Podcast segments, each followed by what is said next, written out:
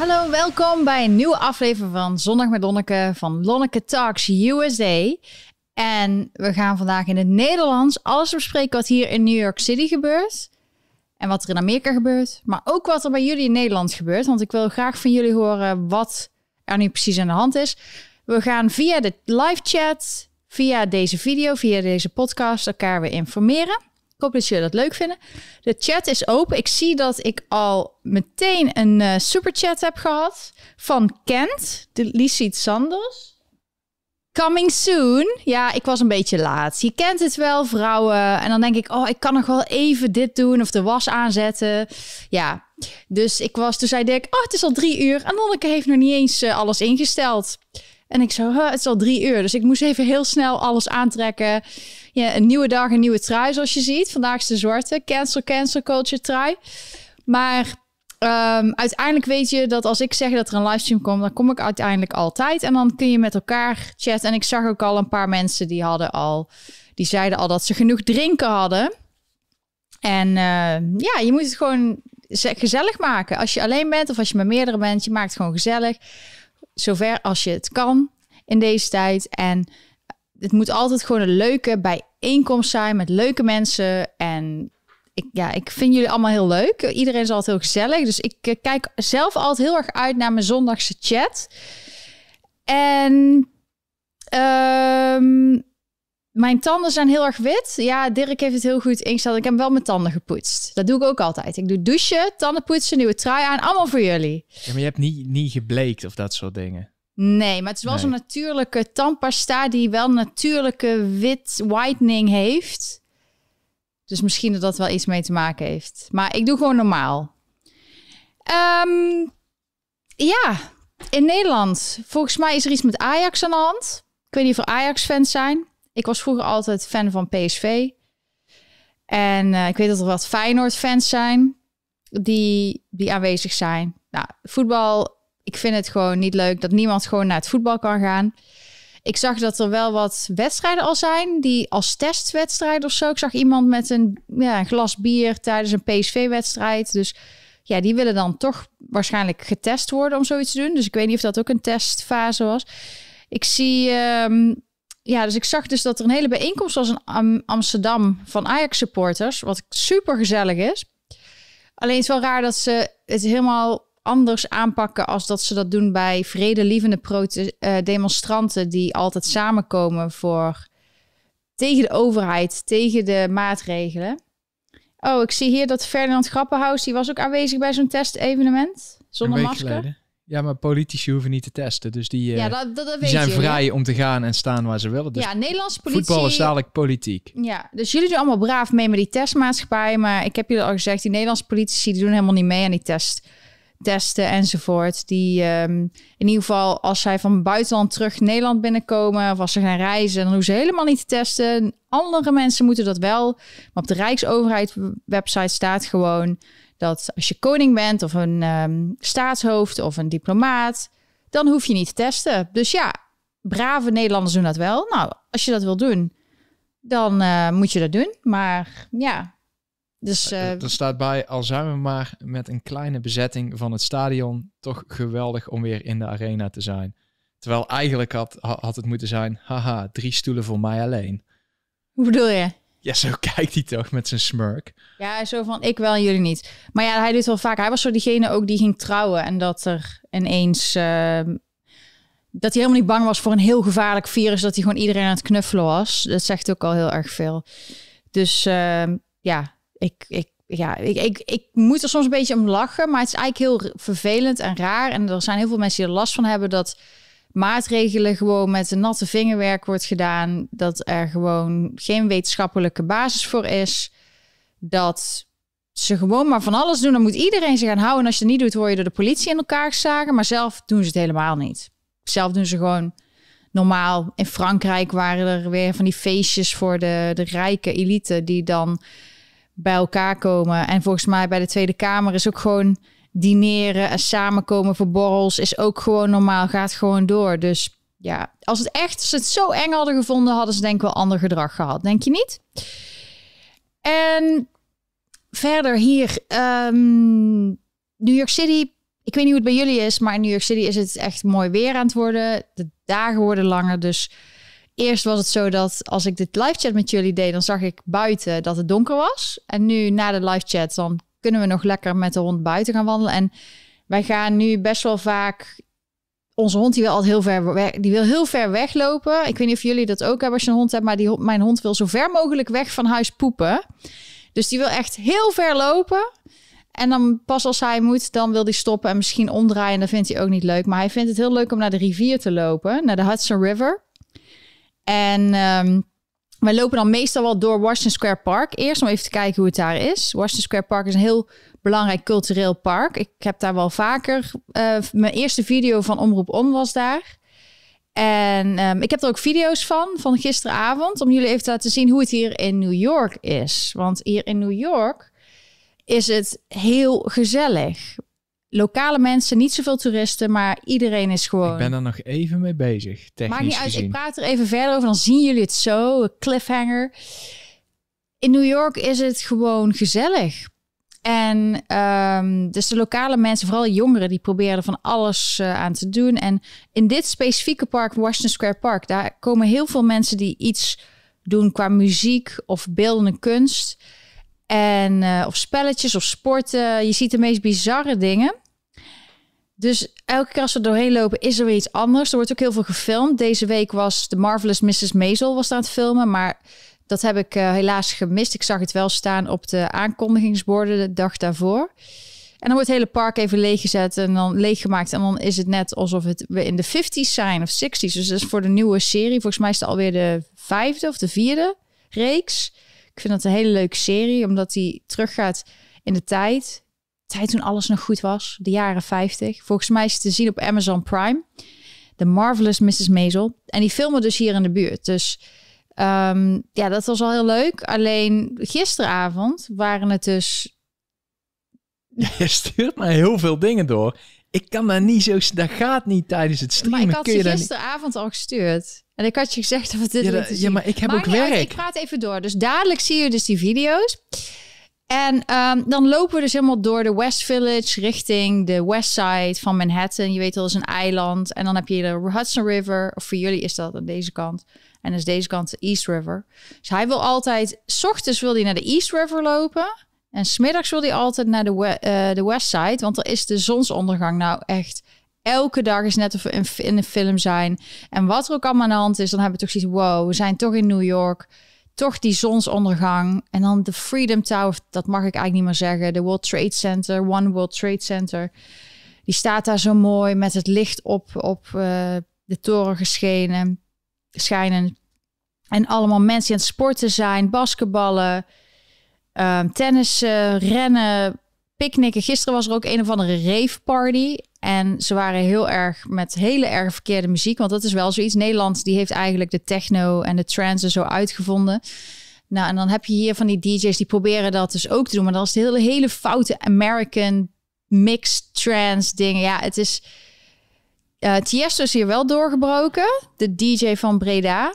Thijs Verwest. Dus uh, daar houden ze ook wel van. Dus dat is echt een uitzondering. Maar voor de rest is het toch wel veel, uh, ja, een beetje aparte muziek. Nou, dat was heel erg luid en uh, in het nieuws. Eh, of in het nieuws. En we waren daar en lekker aan het genieten van de zonsondergang. En dan hoorden we op één pier was dan zo'n groot feestje aan de gang. Heb je ondertussen al iets?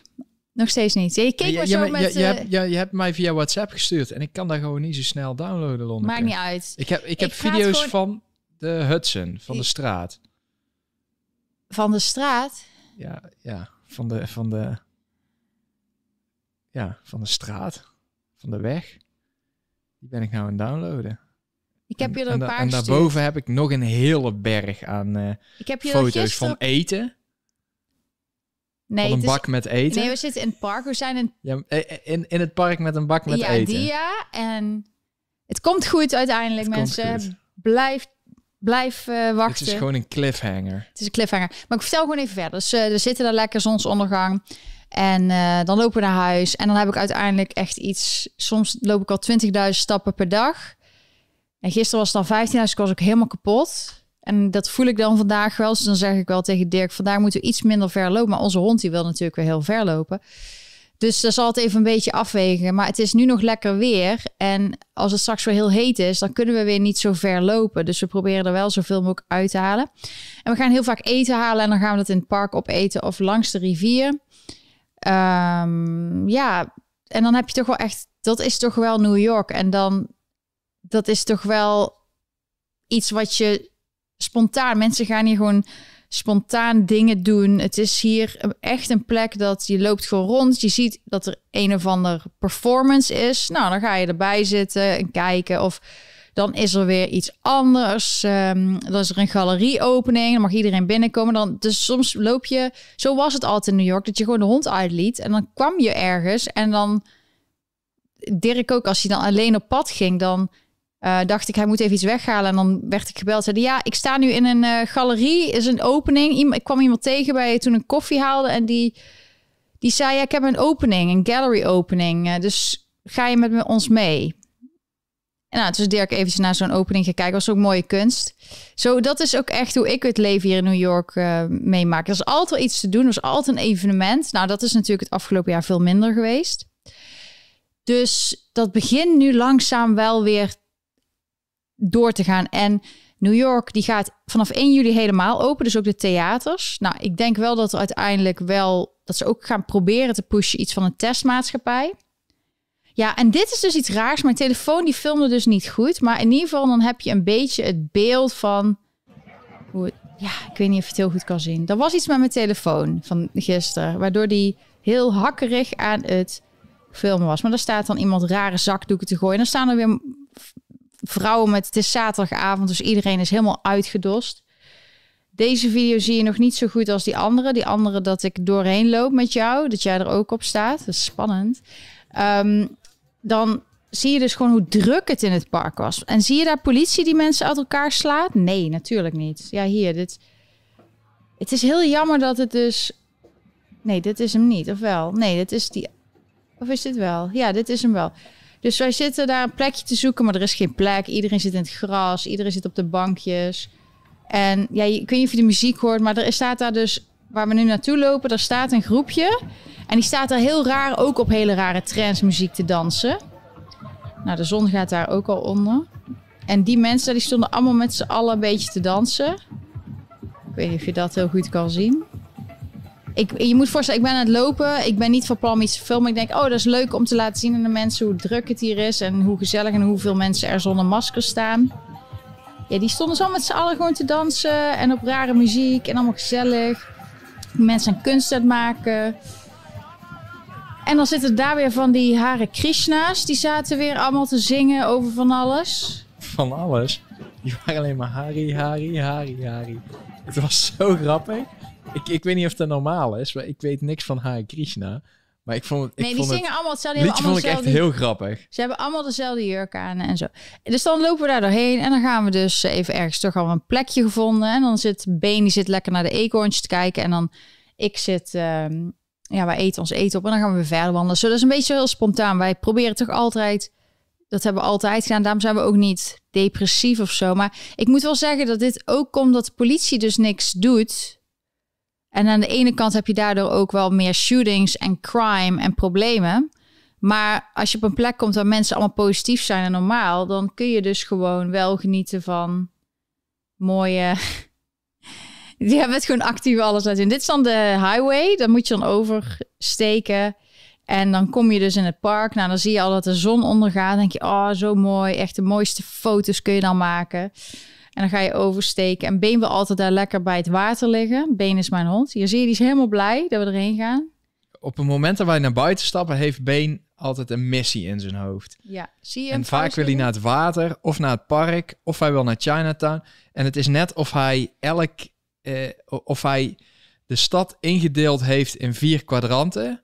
En hij moet elke week in ieder geval elk kwadrant, en het liefst elke dag, elk kwadrant aangedaan hebben om te weten wat er speelt.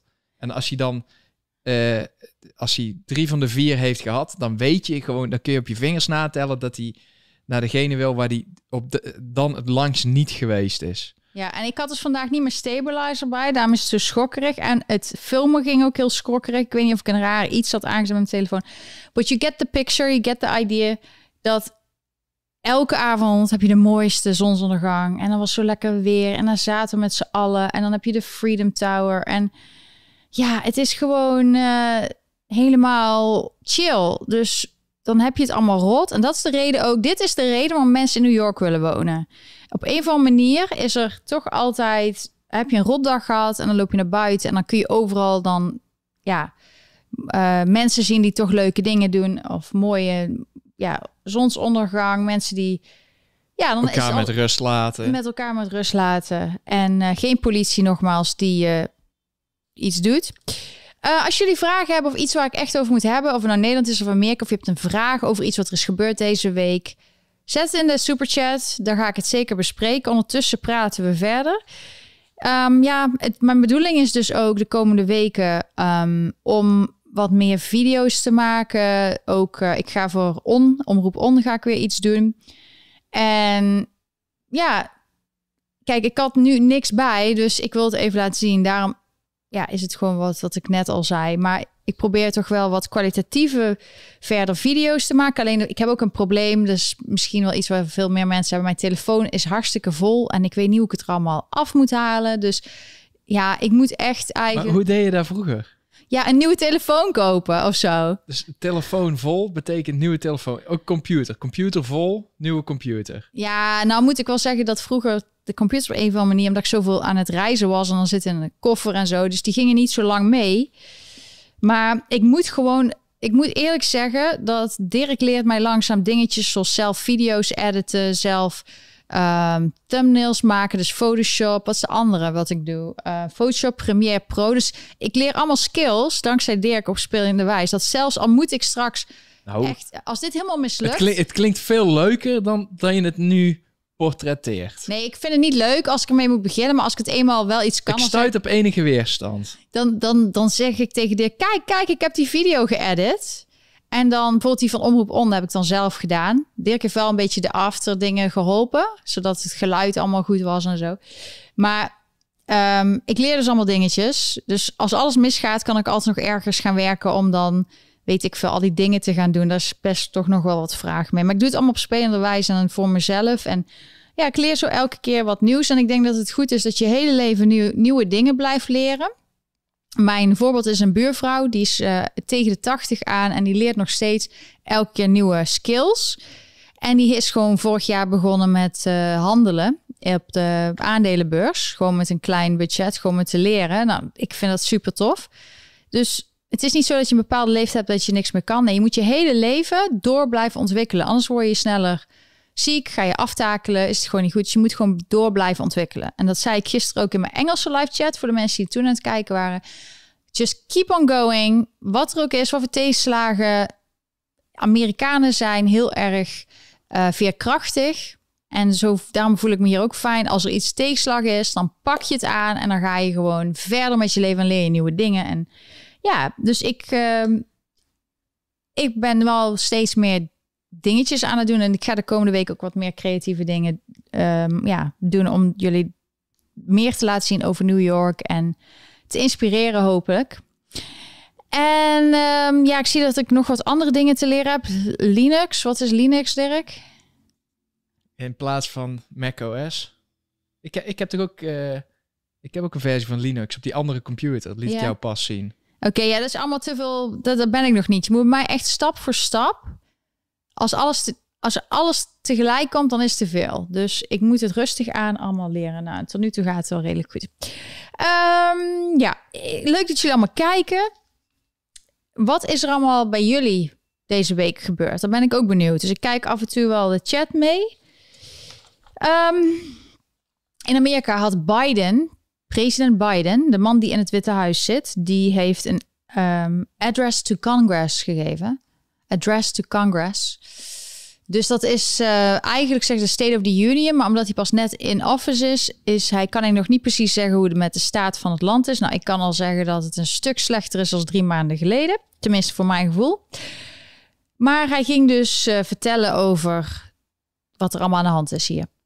En ik heb niet echt alles geluisterd. Ik had er gewoon geen tijd voor. Maar wat ik wel deed toen hij bezig was, was even naar alle YouTube-kanalen kijken hoeveel mensen er aan het kijken waren en hoeveel dislikes en likes er waren. Nou, het was echt helemaal flabbergasted. Ik was helemaal Ik geschokt. ben, ik ben hem weer aan het zoeken, hè, dat je het weet. Ja, maakt niet uit. Maar jij twittert ontzettend veel, zie Ja, ik. ja, ja, maar het maakt niet uit. En hij, er waren gewoon YouTube. Ik heb er screenshots van gemaakt. Ik heb het ook gedeeld. Zelfs CNN, er keken toen ik keek maar 60.000 mensen. En er waren heel veel dislikes, zelfs bij een CNN. Waarbij vooral ja, de linkse mensen kijken. Maar ik weet niet wat het was. Kijk, dit was zo. Dit is even gewoon een momentopname. Dus CNN heeft 12,4 miljoen subscribers. En er kijken er maar 60.000. En er waren dus heel veel dislikes. En ook bij de andere kanalen. Want het is niet alleen CNN, het was alles. Kijk, Fox News snap ik dat hij heel veel dislikes krijgt. En de, maar ook het Witte Huis. Schijnbaar heeft YouTube de top van de dislikes op 12.000 gezet. Dus dat, dat het niet meer kan dan 12.000. Maar ja, het was best wel veelzeggend. Dus ik zei al van, nou, er zijn niet, of mensen zijn gewoon niet geïnteresseerd... of hij, er is geen enthousiasme voor Biden. En dat bleek ook, bleek ook wel, want de dag daarna kwam er naar buiten... dat er maar iets van 11 miljoen mensen hebben gekeken naar zijn, eh, zijn verhaal, zijn speech... Wat toch eigenlijk het belangrijkste dag van het jaar zou moeten zijn een president. Zeker in deze tijd. Ja, maar dit keer was er geen entertainment van eh, Nancy Pelosi. Oh ja, dat ze iets doorscheurde of zo. Geen gekke gezichten, geen scheurderijen, Nee. helemaal niks. Het was of hartstikke mensen in saai. witte, vrouwen in witte pakken. Ze ging ook allemaal voor, ehm, vorig jaar en de jaar ervoor in witte Ja, pakken. toen hadden ze er een thema van gemaakt, Ja. een themadag. Ja. Dus het was een beetje kaal dit Ja, keer. maar nu is het het thema dat er twee vrouwen erachter zitten. Dus dat is dan ook big nieuws. En ehm, Nou, over die linker heb ik nog mijn twijfels. die... ehm, het, maar het was dus dat er... Dat er ehm, weinig mensen keken. En dat er maar... Dus iets van 11 miljoen hadden gekeken. Terwijl die van Trump over alle jaren zijn in de 40 miljoen, te 45 miljoen. Dus er was gewoon veel meer enthousiasme voor. Of je nou tegen bent of niet, er keken gewoon veel meer mensen naar. En nu is het gewoon... Nou, ik denk dat de mensen die het willen verdedigen, die zeggen... ja, maar nu is alles beter onder Biden, dus nou is er geen interesse meer. Ehm, maar er worden bepaalde dingen ook niet besproken, hoorde ik. Van de border crisis, het is echt verschrikkelijk. Er zijn tienduizenden kinderen aan de grens opgesloten. Daar horen we niemand over. Ze willen het gewoon negeren. En de media doet er ook aan mee. Er is bijna geen één journalist die er iets aan wil doen. Ja, een paar, zoals Project Veritas of zo. Van die guerrilla... Hoe zeg je dat woord eigenlijk? Guerrilla... Ik kan er gewoon niet uitspreken Guerrilla. guerrilla, guerrilla journalisten. En ehm, die, ja, die, die, gaan, die gaan er nog iets van maken, maar die mogen ook niet aanwezig zijn om te filmen. En dan gaan zelfs mensen van Congress, zoals Ted Cruz en er waren Steve Scalise, zag ik ook, dat hij ook naar de border ging, volgens mij. Volgens mij was hij dat. Om dan toch maar te filmen, omdat de media doet zijn werk niet. En je hoort er niks van van Kamala Harris. Die zou, ze zegt dat dat haar, Biden zei dat zij in charge was van de border. Maar nu heeft zij ervan gemaakt, ja, ik ga praten met de landen waar ze vandaan komen om het daar op te lossen. Maar dat is eigenlijk haar taak niet. Ze, haar taak is om gewoon de grens, ja, dat op te lossen. Er zijn gewoon best wel veel problemen bij deze kampen. Ook seksuele intimidatie, eh, child trafficking en dat soort dingen. Dus het is, eh, ja, het is, het is gewoon niet oké. Maar ik las bijvoorbeeld ook een verhaal, weet je, die twee meisjes die over de muur werden gegooid. Op een of andere manier zijn de ouders, die zijn hier in New York City. Dus die kinderen zouden herenigd worden met die ouders. Maar dan denk ik ook van. Dus die ouders zijn hier naartoe gegaan. Maar wij weten allemaal, New York is een sanctuary city. Dus hier zijn best veel, veel illegale. En vaak worden ze ook vanuit andere plekken in Amerika hier naartoe gestuurd met allemaal mooie verhalen. Zo hebben wij een dakloze man een tijdje gesteund. Al was het ook alleen maar om met hem te gewoon te praten. Maar we hebben ook wel, ehm, ik heb er wel eens eerder verteld, we hebben wel eens een computer gegeven, een, een ehm, tablet, zodat hij beter zichzelf kon verzorgen. Maar wij moesten naar Nederland, we hadden het verteld, dus zijn we teruggekomen en nu is hij weg. Dus wij weten niet waar hij is, of hij nog leeft. Maar hij was dus ook een van die mensen die dus naar New York was gestuurd door San Francisco. Van nee, New York gaan ze je echt helpen. Nou, dat is natuurlijk niet zo, want Nou, we hopen dat hij naar San Francisco terug Ja. is gegaan. Want eh, hij vertelde mij het verhaal dat eh, wij hebben hem een tablet gegeven. Zijn eh, bovenbuurvrouw, hij woont op straat, maar de, de mevrouw die in het gebouw woont waar hij sliep, dus zeg maar zijn bovenbuurvrouw, Ja. ehm, die vroeg van waar, waar heb je daarvan? En toen had, had hij dat verhaal verteld. En toen zei hij van, oh, wat aardig. Eh, is er nog iets waar je nodig he- hebt? En toen zei hij voor de grap van, ja, ik, ik wil graag terug naar San Francisco. Toen zei ze, oh, wat kost dat?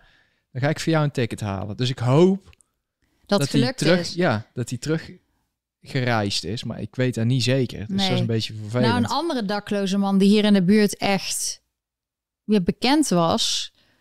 Wij liepen ineens langs een monument met allemaal bloemen. Dat was zijn nieuwe plek. Hij had jaren had hij in een bepaald gebied gezeten. En dan had hij gewoon zijn tentje opgezet. En dan zit hij daar te koken. En die man, die zag er... Ja, die had allemaal lange dreads. En echt helemaal zwart van de viezigheid. En die rookte ook. Maar hij was deel van de buurt geworden. Dus mensen gaven hem ook wel eens eten enzovoort. Dus we zagen ineens dat hij overleden was. We weten ook niet waarom. Maar zag je wel dat de buurt... Die steunde die man wel. En die was gewoon oké met hoe die leefde daar zo op straat. Die had gewoon zijn tentje op. Dus er zijn ook mensen die... Ja, daklozen die gewoon expres gewoon hier zo wonen op straat. En die hebben een eigen plek gemaakt. Als ze niet aan de druk. Hè? Want dat is ook natuurlijk... Er zijn er ook mensen die, aan, die verslaafd zijn, die op straat zijn. Alleen... ehm, er zijn er gewoon wel een aantal die gewoon echt leven. En die hebben dan een huisje of die hebben een vaste plek. En die vinden het ook gevaarlijk om in de dakloze opvang te gaan. Omdat daar dus veel gekke mensen zijn. Dat ze zich niet veilig voelen. Ehm, ja, en dus dan proberen wij toch, al maar met een gesprek, die mensen te steunen. En die zeggen, ja, dat, dat je toch ook gewoon hun naam weet. En dat ze gewoon toch deel van de mensen zijn. Dus ze doen altijd net Amerika van, ja, als je geen geld hebt, dan is het zo erg en zo. Maar voor sommige mensen is het ook een keus. Of in ieder geval zover een keus dat ze hebben de keus om naar een dakloze opvang te gaan. Maar dat doen ze dan niet. En die hebben dan liever dat ze gewoon dingen krijgen wat ze van, van mensen, toeristen op straat, zoals buren, zoals wij, die dan gewoon wel eens wat toestoppen. Ehm, ja, dat, dat doen ze liever dan. En ja, als je dan vraagt wat wil je hebben, nou dan is een tablet of zo. Dat is niet eens iets wat hij zei. Volgens mij hebben we daar gewoon een keer gegeven. Nou, dat was zo dankbaar. Er zijn Nou, we kleine. hebben dat gegeven omdat hij... Ik vroeg aan hem wat het moeilijkste was van eh, op straat wonen. En, en eigenlijk vond hij niks moeilijk. Het enige wat hij vervelend vond was eh, dat hij s'avonds wel eens ging malen. Dat, hij, dat er niemand om hem heen was. Dat hij niet even, als, als hij zijn hoofd niet stil kan zetten, daar heb ik zelf ook last van, dat hij niet even de tv aan kan zetten. Dus ik dacht, oh nou, daar hebben wij hetzelfde probleem. Ik los dat op door af en toe gewoon iets heel stoms op mijn telefoon te kijken. Ik denk, dan geef ik hem een tablet. En sindsdien eh, is hij veel helderder in zijn hoofd. ja. Want hij, ik, denk, ik denk dat hij iets van Schizofrenie of ja, zo. iets in die richting had. En dan, je zag hem echt switchen van persoon naar persoon. Of ja, mo- hoe zeg je dat? Bi- bi- Bipolair Zou of zo? Ook nog, ja, Ja, wij wij ik- zijn geen dokters, nee. wij weten niet wat het precies is. Maar er was wel iets waar hij mee deelde. Maar we zagen, hij was dus zijn computertje een keer- kwijtgeraakt. En hij zei, nee, ik heb het echt niet verkocht of zo. Ik ben, hij had een ongeluk gehad. Nou, dat was je op ook- zoek naar ons om, om zijn excuses aan te bieden? Ja, nee, maar het was dus, hij was dus door dat ta- tablet. Ik heb dit ooit al eerder verteld, dus eh, sorry als ik het herhaal. Maar voor de mensen die nieuw zijn, het is wel interessant. Eh, omdat we het ook altijd over healthcare hebben hier en zo. En het is echt tekenend voor Amerika of voor New York of voor deze situatie. Ehm, we hadden hem dus een tablet gegeven en hij had dus pijn in zijn rug. En toen kon hij dus, doordat hij aan het googlen was of aan het searchen was van wat is het, kwam hij erachter dat hij dus nierstenen had of een nieraanval. En toen heeft hij de ambulance gebeld, want er zijn hier van die vaste plekken waar je kan bellen. En toen is de ambulance gekomen en die heeft hem naar het ziekenhuis gebracht. Dat is dus een dakloze man die gewoon geholpen wordt door de ambulance. Want dan moeten ze. Dat is Die heeft de- dus zelf een diagnose gesteld. ja, hij heeft dus zelf gezegd, ik heb waarschijnlijk nierstenen. Nou, toen hebben ze hem in het ziekenhuis behandeld. Hij is mm, teruggegaan naar, naar de straat met medicijn en zo. Maar hij was dus tijdens dat hij... Hij had zoveel pijn ineens dat hij oud was gegaan. En door zijn val is Nee, hij... Ze hebben zijn eh, tas niet meegenomen. Ze dus zijn hij tas- zijn kleren en zijn tablet is hij Ja, kwijtgeraakt. dus hij was dus... eh, ja, toen... Dus toen eh zeiden ja, maar ik ben het echt... Ik heb, ja, hij had het dus echt niet. Toen hebben we dus een nieuwe gegeven. Maar toen- dat is een val had hij ook nog zijn tand afgebroken. Dus eh, in ieder geval, toen is Dirk naar de winkel gegaan en die heeft een zijn upgrade gegeven. Nou, toen was hij zo blij, want nu zat er een standaardje bij, zodat hij hem, als hij lag, gewoon neer kon zetten. Nou, daar was hij zo blij mee. Ehm, maar dat is even duidelijk te maken dat als je ook dakloos bent en je hebt een emergency, dan moet de ambulancepersoneel je gewoon ophalen en verzorgen, zodat jij uit de emergency bent. Dus zijn nierstenen zijn hem, eh, ze hebben hem geholpen. Hij heeft niks hoeft te betalen, want hij heeft geen geld. Dat is gewoon ja, eh, van charity, staat, het ziekenhuis zelf moet dat betalen. Maar het is gewoon een wet. Maar zijn tand wordt dan weer niet vergoed. Nee. Omdat er geen, geen Emergency emergency is. is. en geen noodzaak is. Dus Maar er zijn dus wel weer charities, Die dat weer goede regelen. doelen, die dus weer bijvoorbeeld tandheelkunde of den, uh, artsen, hoe zeg je dat, tandartsen die dus gratis een dag vrij ge, eh, ge- besteden om mensen die geen geld hebben hun tanden te helpen met hun tanden. Dus zo is er in Amerika voor alles. Je moet het even weten. Nou, als je dus veel daklozen dus een tabletje geeft, dan kunnen ze zichzelf meer Maar er is wel een programma voor, hè? Want Wat bedoel je? Dat hoorde ik van een, van een mevrouw hier. En die, eh, je kan een Obama-phone krijgen. Oh, dus dat ze ook een telefoon krijgen gratis. Ja, da, da- want wij hebben ons wel eens afgevraagd... waarom die dakloze mensen Vaak een telefoon vaak een hebben. telefoon hebben... maar verder niks. Eh, maar die kun je dus blijkbaar gratis krijgen. Maar dan moet je je wel weer inschrijven... en dan moet je af en toe melden en weet ik het allemaal. Dus het punt is eigenlijk dat deze mensen, er, zijn gewoon, er is gewoon hulp voor. Of het nou vanuit de staat is, of vanuit de, het ziekenhuis, of vanuit een goed doel, of vanuit daklozenopvang. Alleen ze moeten dus het. In Amerika moet je als patiënt of als persoon moet je zelf wat actiever zijn om alles te vinden. Dus als jij daklozen, het beste wat je hier kan doen is daklozen. Wat heb je nodig? En dan naar de juiste plek eh, helpen. En dat is wat Dirk en ik dus proberen dan te doen. Want je kan ze vaak wel geld geven, maar vaak ehm, geven ze dan weer uit aan het verkeerde. Terwijl als jij bijvoorbeeld dan voor datzelfde geld wat je misschien cash zou toestoppen, een tabletje koopt, dan. Nou, we hebben gezien dat vooral. Wij weten, dit is gewoon een eh, testcase geweest. Wij zouden dit wel vaker willen doen. Dus ja, gewoon dat er een soort. eh, dat, ja, of, of er stichtingen zijn. Ik denk dat dat echt goede inzet is. Gewoon om die Nou, mensen. goede inzet. Weet je wat het frustrerende is? Nou, Dat er van allerlei programma's zijn. Ook dat je housing krijgt en dat soort dingen. Eten. gratis Eh, allemaal. ja. alleen dat is alles wat vanuit de overheid gefaciliteerd wordt. Daar zit best wel een flinke drempel aan. Omdat die mensen geen idee hebben hoe moeilijk het is om zo'n aanvraag te Ja. doen. Bijvoorbeeld als je geen eh, postadres hebt. Of als je nog geen telefoonnummer hebt. Ja. Ho- Hoe kun je dan, dan, dan is het al onmogelijk om je voor een bepaalde dingen in te schrijven. Daarom zijn er bepaalde kerken die gebruiken hun adres. Ook bijvoorbeeld voor het stemmen, dat daklozen kunnen stemmen, dat, dat ze allemaal op één adres staan ingeschreven. Dat zou hoorde je ook bij de, de, de audits hier, dus en de onderzoeken. Dat eh, oh, er zijn heel veel dezelfde ballots op één adres. Dat kan dus echt wel zijn dat er echt mensen zijn die eerlijk mogen stemmen, omdat sommige mensen hebben gewoon geen dak boven hun hoofd. Die moeten gewoon adres hebben. Ik zie een superchat vraag van Elia. Ik lees net dat de driehoek in Amsterdam had besloten niet in te grijpen bij Ajax om escalatie te voorkomen. Waarom niet zo handelen bij demonstraties? Het is te bizar voor woorden dat ze zich anders gedragen. Het belangrijkste wat een leider moet doen van een land of van een stad is iedereen gelijkwaardig behandelen. En we zien nu al dat ze dat niet doen. En ik denk ook dat te maken heeft dat als ze bij Ajax-supporters met dat gedrag wat ze de afgelopen maanden hebben laten zien bij vredelievende mensen, als je echt met mensen die dus blij zijn en die worden tegengewerkt en die misschien met z'n allen ook wel meer slagkracht hebben, als je die zo gaat irriteren en zo mensenrechten ontneemt, dan hebben ze inderdaad een probleem. Dan zou het echt helemaal uit de hand lopen. En dus de, het is wat dat betreft wel slim dat de politie gewoon nu denkt... die kiest gewoon eieren voor hun geld. En ze durven het wel te doen bij dus de vredelievende mensen. Daar gaan ze wel met Het zijn allemaal... eigenlijk gewoon scheiters. Ze, hebben, dus. ja, ze zijn zo'n bang, bangerikken. En eh, om escalatie te voorkomen. Ja, ze durven wel bij een paar mensen die met, met, met parapluutjes samen op een veld staan. Waar in de buitenlucht heb je gewoon super weinig kans om ziek te worden. Dat is nu uit vele wetenschappelijke onderzoeken al naar buiten gekomen. En daar doen ze zich wel zo misdragen. En dit niet. Dus ik snap, Ilja, dit is eh, waarom dit dubbele standaard. Dan moeten we echt aan Femke Halsema vragen. Ze was al de slechtste burgemeester, al voordat ze burgemeester werd. Maar je weet hoe dat is, hè. Dus ehm, iedereen krijgt gewoon baantjes toegeschoven. En volgens mij zit ze ook bij de World Economic Forum. Dus ja, voor mij is daar gewoon duidelijk. Ehm, maar zij is gewoon geen goede burgemeester. Ze was ook, ja, ze kan het gewoon niet.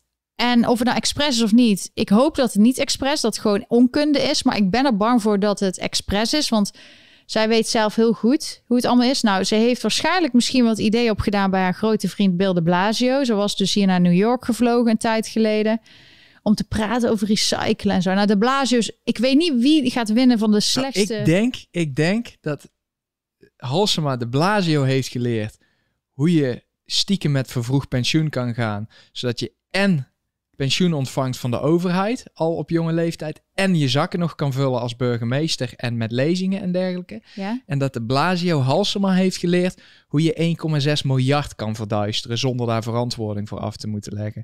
En zo staan ze gezellig. Ze staan wel precies waar ze thuis horen. Bij de afvalbelt.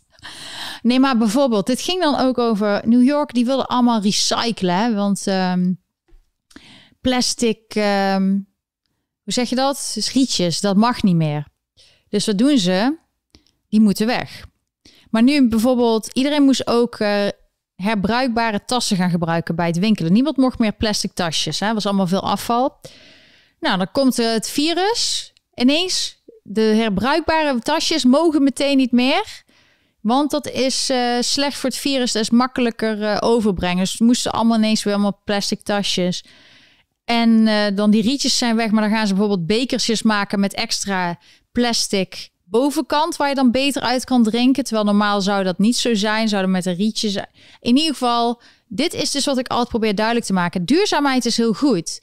Maar er zijn mensen die duwen dingen door die zo onnagedacht zijn. Die, die alleen maar voor meer problemen zorgen, meer afval. Er wordt gewoon niet goed over nagedacht. En het is aan de ene kant lachwekkend, maar aan de andere kant, ja, mensen die verliezen daar wel door hun baan of komt er wel meer afval. Het, in anyway, het is gewoon. ehm, ja, ik, ik wens elke, burger, elke stad een fijne burgemeester toe. En ik zal je zeggen, de steden waar het redelijk rustig is... en de burgemeester bijna niet of nooit in de media is... alleen als er iets leuks is, dat zijn de beste burgemeesters. Dus als een burgemeester, dat is gewoon eigenlijk een regeltje. Als een burgemeester te veel in nieuws is, dan is die niet zo goed. Als er heel tijd opheffen is in de stad en de hele tijd... dus ook Jorritsma bijvoorbeeld in Eindhoven... die staat ook op het lijstje van slechtste burgemeesters... En ehm, dat krijg je gewoon omdat in Nederland wordt er gewoon geen burgemeester gekozen. Als je een burgemeester kiest, dan hebben de burgers het gevoel van ja, we hebben dit onszelf aangedaan. Zoals hier. We hebben acht jaar burgemeester de Blasio gehad. In juni beginnen de primaries. Dus daarna dan gaan de eerste democraten en de republikeinen zelf kiezen. Net zoals bij de presidentsverkiezingen. Kijken ze eerst bij de kandidaten bij hunzelf. Van wie gaat onze kandidaat worden? En ja, New York is vooral een democratische, democratische stad. Dus het zal waarschijnlijk wel een democraat worden. Dus degene die in de primary de kandidaat van de democraat wordt, wordt waarschijnlijk wel de burgemeester. Kijk, ik hoop zelf ook wel dat het een keer weer een republikein is zoals Giuliani, zodat de stad weer helemaal opgeknapt wordt en dat het veiliger wordt. Ik bedoel, het is niet normaal dat je hier gewoon op daglicht, uh, in daglicht, of klaarlichte, klaarlichte dag, dat je dat er mensen vermoord worden. was gisteren weer een nieuws. Weer iemand gewoon op de Upper East Side. Het super, dat is gewoon een rustige buurt. Vooral rijkere, oudere mensen. Goal, ja, die gewoon... Veel dokters zitten daar. Het is allemaal heel netjes. En dan is er gewoon iemand op klaarlichte dag gewoon doodgeschoten. Of wat het ook was. Dat is in ieder geval vermoord dan denk je, hè, dat was eerst niet. Of hier in de buurt, Soho, dat was altijd heel rustig. En dat je dan gunshots hoort s'avonds. Zo was het niet. Maar ja, ik... Toen wij vanochtend aan de croissant zaten, zag ik hier uh, twee blokken vandaan iemand lekker crack spuiten. Oh ja, jij was aan het wandelen met de hond en je was met iemand op de videochat. En toen kon je meteen laten zien van ja, dit is de nieuwe realiteit. Eerst was dat er ook al, maar dat was in een bepaalde buurten. Dus niet overal. En nu is het echt verspreid. En zo was het in San Francisco en Los Angeles. Daar is het ook dat er bepaalde buurten echt gevaarlijk zijn. En dan weet je, daar ga ik niet naartoe. Maar in New York was dat eigenlijk heel klein. Of een beetje, en dan was er nog wat verdeeld. het was niet zo eng als in Los Angeles en San Francisco. Nou, hier gaat het dus ook gewoon de verkeerde kant op. Dus de nieuwe burgemeester heeft heel wat te doen. op zijn minst hebben de, alle New Yorkers zijn erover eens dat de Blasio de slechtste burgemeester ooit is. Dus, maar ze hebben zoiets, we hebben er zelf voor gekozen. Dus we kunnen het zelf ook alleen maar oplossen. Dus we stemmen nu iemand anders. Dan heb je het gevoel als, als, uh, als je als... Uh, nee, het was niet Hunter Biden. Het was een, uh, een mevrouw. Vraagt iemand of Hunter Biden degene was. Misschien Hunter Biden. Het had heel goed gekund. Ik snap de redenatie. Show hier in de buurt is klaar. Of net voor de show wil zich even iets lichter voelen. Al die stress van die show. Hop, beetje heroïne erin. En gas erop. Nee, maar hij is dat hij heeft dat zelf gezegd dat hij een verslaafde was en nou is dat dus niet meer zo. Maar Uh, talking about Hunter Biden en uh, Rudy Giuliani. Rudy Giuliani had deze week is zijn appartement hier in New York is door de FBI om zes uur ochtends stonden ze aan zijn deur, moesten ze alles meenemen, alle elektronische apparaten. En zei hij: "Oh, maar ik heb ook nog de Hunter Biden files." Dit is wat Rudy Giuliani zegt. Maar daar hadden ze geen interesse in. En hij zei zelf: "Ja, ze geloven me dus op mijn woord dat ik dat er niet iets voor mij was. Misschien stond er iets over mijn cliënt, president Trump, op of over mezelf, maar dat niet. Maar hij zegt ook wat er eigenlijk gebeurd is, is dat het eigenlijk um, weer een, um, zeg je dat, een witch hunt is. Dat, het, dat, dat er weer, dat ze mensen zoals Hunter Biden bijvoorbeeld uh, zonder de juiste papieren um, hoe zeg je dat, een geweren of iets had aangekocht die wordt dan, en dat is tegen de wet, dat wordt dan niet gedaan. Maar dat ze, en ook weet je nog, uh, Roger Stone, dat ze om zes uur s ochtends voor zijn deur stonden. CNN was ook getipt en die wist het ook. Nou, blijkbaar was er bij Rudy Giuliani weer zoiets, dat iemand anders het ook al eerder wist. Um, en dan s ochtends vroeg worden ze uit hun bed gehaald en uh, op dat soort manier. En net of het criminelen zijn. Aan de andere kant gebeurt dat niet. Dat wordt, dus, dus uh, ook bijvoorbeeld Cuomo, die heeft dan, het lijkt dat ze vijf maanden lang de nummers, de aantal doden in de nursing homes hebben achtergehouden, bewust. Waardoor alle behandelingen en alles is anders geregeld, omdat ze die informatie niet hadden. Ja, zulke dingen wordt dan. Er zijn wel mensen die aan het pushbacken zijn. Of zeg je dat, die zijn ermee bezig. Maar dat soort dingen hoor je niet in het nieuws. Daar wordt niet zo groot ding van gemaakt. En anderen worden wel onder druk gezet. Dus dat is wel heel opvallend dat het vooral altijd aan één kant is en niet aan de andere kant. En ja, het is, uh, het is gewoon elke dag een, ja, een strijd voor sommige mensen. Er is ook nog steeds, het, sommigen zeggen dat het te maken heeft met die audit in Arizona dus daar heb ik jullie wel eerder over verteld. Dat in Maricopa County zijn iets van 2,1 miljoen stemmen zijn. Um, die worden nu bekeken. En je ziet dat bepaalde partijen proberen het alweer in discrediet te brengen. Van oh, het is allemaal nep, het is uh, alleen maar van de Republikeinen. Het is al zo vaak onderzocht. Maar nu zijn ze echt ook met blacklights en zo aan het kijken naar elk formulier. Dus het is echt een hele, heel goed onderzoek. En ik zeg altijd, als de Democraten, waarom willen ze dit tegenhouden? Waarom proberen ze al, uit alle macht om het tegen te houden met rechtszaken enzovoort? Als het allemaal goed is gegaan met Biden, dan ben je toch blij. Laat ze lekker alles bekijken. Dan, dan, komen, ze, dan komen die Republikeinen en die, die mensen die het niet geloven. Want ongeveer 51% had ik uit het laatste onderzoek gezien. Gelooft niet dat het eerlijk is gegaan, de hele verkiezing. Nou, dat is best een groot percentage. Dus ik zou denken dat ik, als ik Biden was, dat je dan juist zeker wil dat iedereen weet dat alles eerlijk is gegaan. Dus dan zou je juist juichen van nee, ik, ik snap echt dat zoveel mensen het niet geloven. Dus laat alles controleren, laat alles bekijken. En er is een kans dat deze audit, dit onderzoek naar de stemcomputers en de, of de stembiljetten in ieder geval, dat het ook op andere plekken doorgaat. Maar dat zul je waarschijnlijk niet in het nieuws horen in Nederland. Want daar wordt alleen maar gedaan dat Biden de beste president ooit is en er is geen probleem. En als er een probleem is, dan leggen wij het als media uit. Ja, dus dat is heel vermoeiend. En ik wil ook nog uh, wat mensen bedanken. Want je kan me niet alleen steunen via superchats, wat ik echt leuk vind, of supersticker. En Dirk is bezig met een manier dat je van Nederland ook mij kan steunen in Amerika via Ideal. Maar dat is allemaal heel moeilijk. Dus dat heb ik waarschijnlijk volgende week. Maar er zijn ook mensen die kiezen voor om via PayPal te steunen. Dat vind ik ook top. En zo was bijvoorbeeld uh, Annelies, die had mij gesteund. Echt super, dank, dankjewel. Maar Annelies woont ook in Amerika. En die, ja, dan wordt er eigenlijk mij gezegd van... ik ben blij dat jij dit zegt. Want ik heb, ja, het is gewoon moeilijk vanuit Amerika... dat Nederlanders krijgen alleen maar één, één verhaal te horen. En ja, zij zegt, ik ben blij dat jij als Nederlander dit verhaal vertelt aan de Nederlanders... Dus dan, ja, er zijn niet zoveel mensen die dit andere, de andere kant van het verhaal vertellen. Het is gewoon hoe al die correspondenten, zoals Erik Mout aan het zo vertellen, dat is allemaal de waarheid. En that's it. En er wordt niks anders verteld. En dat is hetzelfde wat ze bijvoorbeeld met Omroep On in Nederland doen.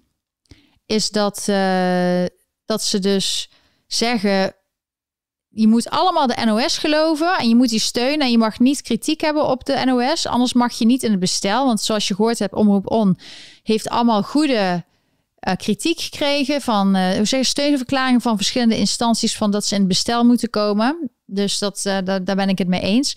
Alleen dan zijn er weer mensen die in het nieuws gaan die zeggen, ja, maar je mag geen kritiek hebben op het NOS. Dus ze willen alleen maar één geluid horen. En dat is de waarheid. Terwijl niks is de 100% de waarheid. Je moet een gebalanceerde nieuwsgeving hebben. En mensen ik geloof gewoon dat jullie allemaal slim genoeg zijn. En ik denk dat er gewoon mensen zijn die denken dat mensen niet slim genoeg zijn. Of ze willen echt die propaganda, dat je maar één idee hebt. Maar ik geloof dat mensen zelf allebei kunnen bekijken. En dan kijken van wat geloof ik het meest. Of wat, wat neem ik op, wat geloof ik. En soms zit er misschien iets bij bij de NOS wat wel klopt. Maar de afgelopen jaren is het wel duidelijk gebleken dat de verschillende mainstream media over de hele wereld gewoon heel erg een eigen agenda hebben. En bepaalde dingen wel vertellen en andere niet. En als er bijvoorbeeld in Amerika een shooting is, dan vertellen ze alleen maar als het een blank iemand is en niet als het een donker iemand is. En ze daarmee zorgen ze alleen maar dat er meer problemen komen tussen rassen en dat er dat. Wij willen dat allemaal niet. Mensen hier op straat, we hebben het super gezellig. Als we naar de bakker gaan, allemaal mensen van verschillende. Ehm, afkomst. En we doen gewoon normaal tegen elkaar. Wij willen gewoon normaal. Wij willen dat niet. Dat, dat die mensen alleen maar in kleur en ras denken. En zo moet je blijven doorgaan. En er was uh, op mijn Twitter had ik een heel mooi uh, videootje. Ik weet niet of je dat er kan laten zien, maar ik weet niet of je het ook kan laten horen. Uh, waarover, Lonneke? Dat is een van de laatste tweets. Dat is een vrouw geweest en die had een uh, TikTok gemaakt van Alyssa Milano. Die zegt dan, ja, just imagine being a black man en bla bla bla. En toen ging zij uitleggen wat zij ervan vindt. En ik vond het zo sterk. En die vrouw zei dus eigenlijk dat mensen die zo denken, zoals Alyssa Milano, eigenlijk de white supremacists zijn. Want die doen allemaal net of uh, zwarte mensen niet slim genoeg zijn, of ze zwak zijn, of ze slachtoffer zijn. Dat zijn ze helemaal niet. Die kunnen net zoveel als ieder ander. En waarom denk jij, waarom doe je altijd net of ik niet uh, weet waar, dat ik mijn ID kan halen voor stemmen? Maar het grappige is dat de Democraten die zeggen: ja, het is racistisch, al die regeltjes met ID stemmen. Maar aan de andere kant willen ze wel zo'n COVID-paspoort waar, waar je een ID voor moet hebben. Dus dat is, dat is dan weer heel raar. Uh, deze mevrouw? Ja. Ja? Ja, ik weet niet of je dat... Uh... Nee, dat is iemand die dat deelt. Maar het is in ieder geval die tweet. Ik zou iedereen aanraden om mijn Twitter maar ook te volgen. En die moet je eigenlijk... Uh, je kan wel een stukje spelen, maar ik kan het niet... Ja, je kan het waarschijnlijk niet goed horen. Who are not black men. Imagine maar, watching the news and seeing how people. Imagine being a black man and being told by some white lady with a microphone that you and the criminal on TV are one and the same because you look alike. Imagine being told by society that white people can be all that they can be, but you as a black man, the content of your character is completely irrelevant. You are the color of your skin, and that is all you will ever be. Imagine being told you can't figure out how to vote because of the color of your skin. Socioeconomics affects everyone, but apparently you're not as smart as the poorest white person. Lady, I don't want to hate you. I'm a 90s kid. I grew up with you.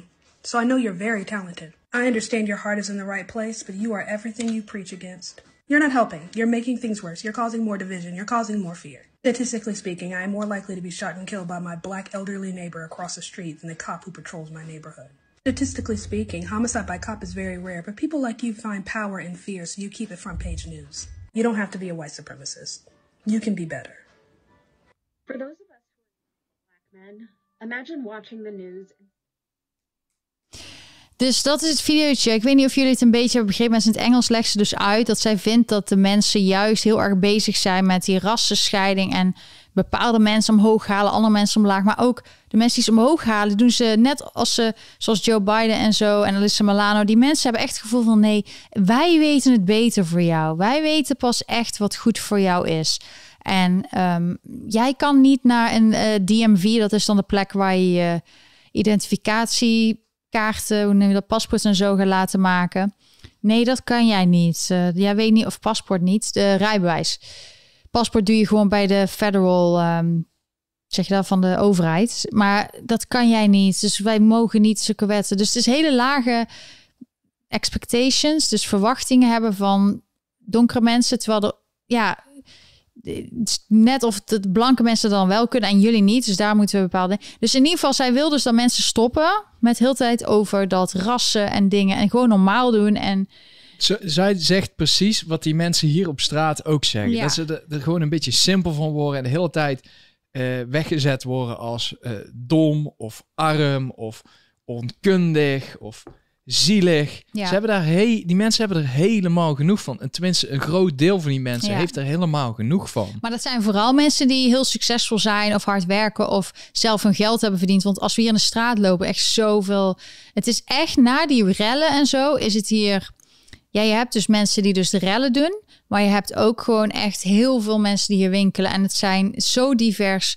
Wat vroeger echt toeristen waren. Nu zijn het gewoon de mensen, de lokale mensen. Zo, ja, ook echt veel African Americans. Ook in dure auto's en dure, dure kleding. En ik denk alleen maar super dat jullie het zo voor elkaar hebben. Dus ik denk daar verder niks over na. Het is gewoon, hoor, dit is gewoon iedereen is gewoon gelijk. En iedereen heeft, als je hard werkt, heb je gewoon wat meer kansen. Dat is ook hoe Amerika is. Nou, het is knap dat die mevrouw zich uit durft te spreken. Ja. Want ten eerste wo- worden ze al weggezet als zielig, dom en achtergesteld Ja. door de politiek. Eh, heel veel mensen gaan daarin mee omdat, omdat ze onder druk gezet worden. En dan durft zij zich nu ook nog uit te spreken. Nou, ik vind dat wel knap, want zij Ja. krijgt waarschijnlijk een hoop shit over zich heen nu. Ja, want in, eh, jullie hebben dus gehoord over Joe Biden dat hij zijn speech had. Nou, dan is het hier de, de, het- de traditie om daarna een, of traditie, in ieder geval wat er gebeurt is dat ze een eh, response, dus een antwoord van de Republikeinse Partij daarna laten horen. En dit keer werd het gedaan door Tim Scott. Tim Scott is een zwarte Amerikaan en hij is een senator en hij is republikeins. Dus hij is dus precies eigenlijk wat ja, er wordt altijd net gedaan alleen democraten voor de zwarte mensen zijn, maar er zijn heel veel ja, African Americans, zoals je het netjes heet, eh, die die republikeins zijn. En hij zei dus van Amerika is not a racist country. En daarna kreeg hij zoveel aanvallen van mensen aan de andere kant, ook vooral vanuit zijn eigen community. Dit is Tim Scott. Oh, hij is dus van South Carolina. En hij zei dus, hij had dus een speech gegeven, maar dan zie je dus dat ze allemaal hem uitschelden als Uncle Tim. En Uncle Tom is een scheldwoord hier voor, dat wordt eigenlijk gebruikt voor als een donker iemand zich als brave slaaf. Dat heeft met die story te maken met eh, een brave slaaf die maar graag eh, aan de goede kant wil zijn bij de baas, bij de witte baas. Zo wordt het dan zo gedaan. En maar ze schelden hem dus uit waar hij succesvol is. In plaats dat ze trots zijn op dat soort mensen. Die dus zeggen, Amerika is niet racistisch. Amerika, Amerika kan iedereen alles worden wat je wil. Die mensen worden juist uitgescholden. Dus de mensen die altijd zeggen dat ze zo tolerant zijn, die zijn het minst tolerant. En dit is heel apart. Je hebt zelfs ook, ik weet niet of je die video's hebt gezien, zo'n eh, blanke vrouw die dus tegen een zwarte agent begint te praten dat hij niet weet dat hij racistisch is en hij niet weet wat racisme is. Het maakt niet uit of en ook een witte agent die een zwarte vrouw had. Nee, het maakt niet uit of je met een zwarte vrouw bent, want uh, dan kun je nog steeds racist zijn. De manier hoe ze hoe racistisch zij aan het praten was, ze hebben daar gewoon niet meer door. Ze hebben niet meer door dat wat zij anderen van betichten, dat ze het zelf doen. Dat ze gewoon tegen een zwarte agent proberen te, over racisme te praten. Terwijl die agent heeft daar de hele dag door mee te maken dan, als het zo zou zijn. Um, het is heel bizar hoe mensen gebrainwashed zijn. Dat ze dingen zeggen en ze geloven echt dat ze het beste voor hebben. Terwijl alles wat ze doen, is hetzelfde als met die rietjes of met die plastic zakken weg. Terwijl dan komen er van die herbruikbare zakken en tassen die juist veel ongezonder zijn voor je gezondheid, wat blijkt. Hetzelfde met dus het is net of ze dingen doen en niet doorhebben dat, dat soms heb je met goede intenties begin je iets. Maar het resultaat is juist totaal compleet averechts, compleet tegenovergestelde wat je eigenlijk wil bereiken. Het kan best zijn dat er mensen zijn die echt bewust hopen dat dit het beste is en echt het beste voor hebben. Die willen niet racistisch zijn.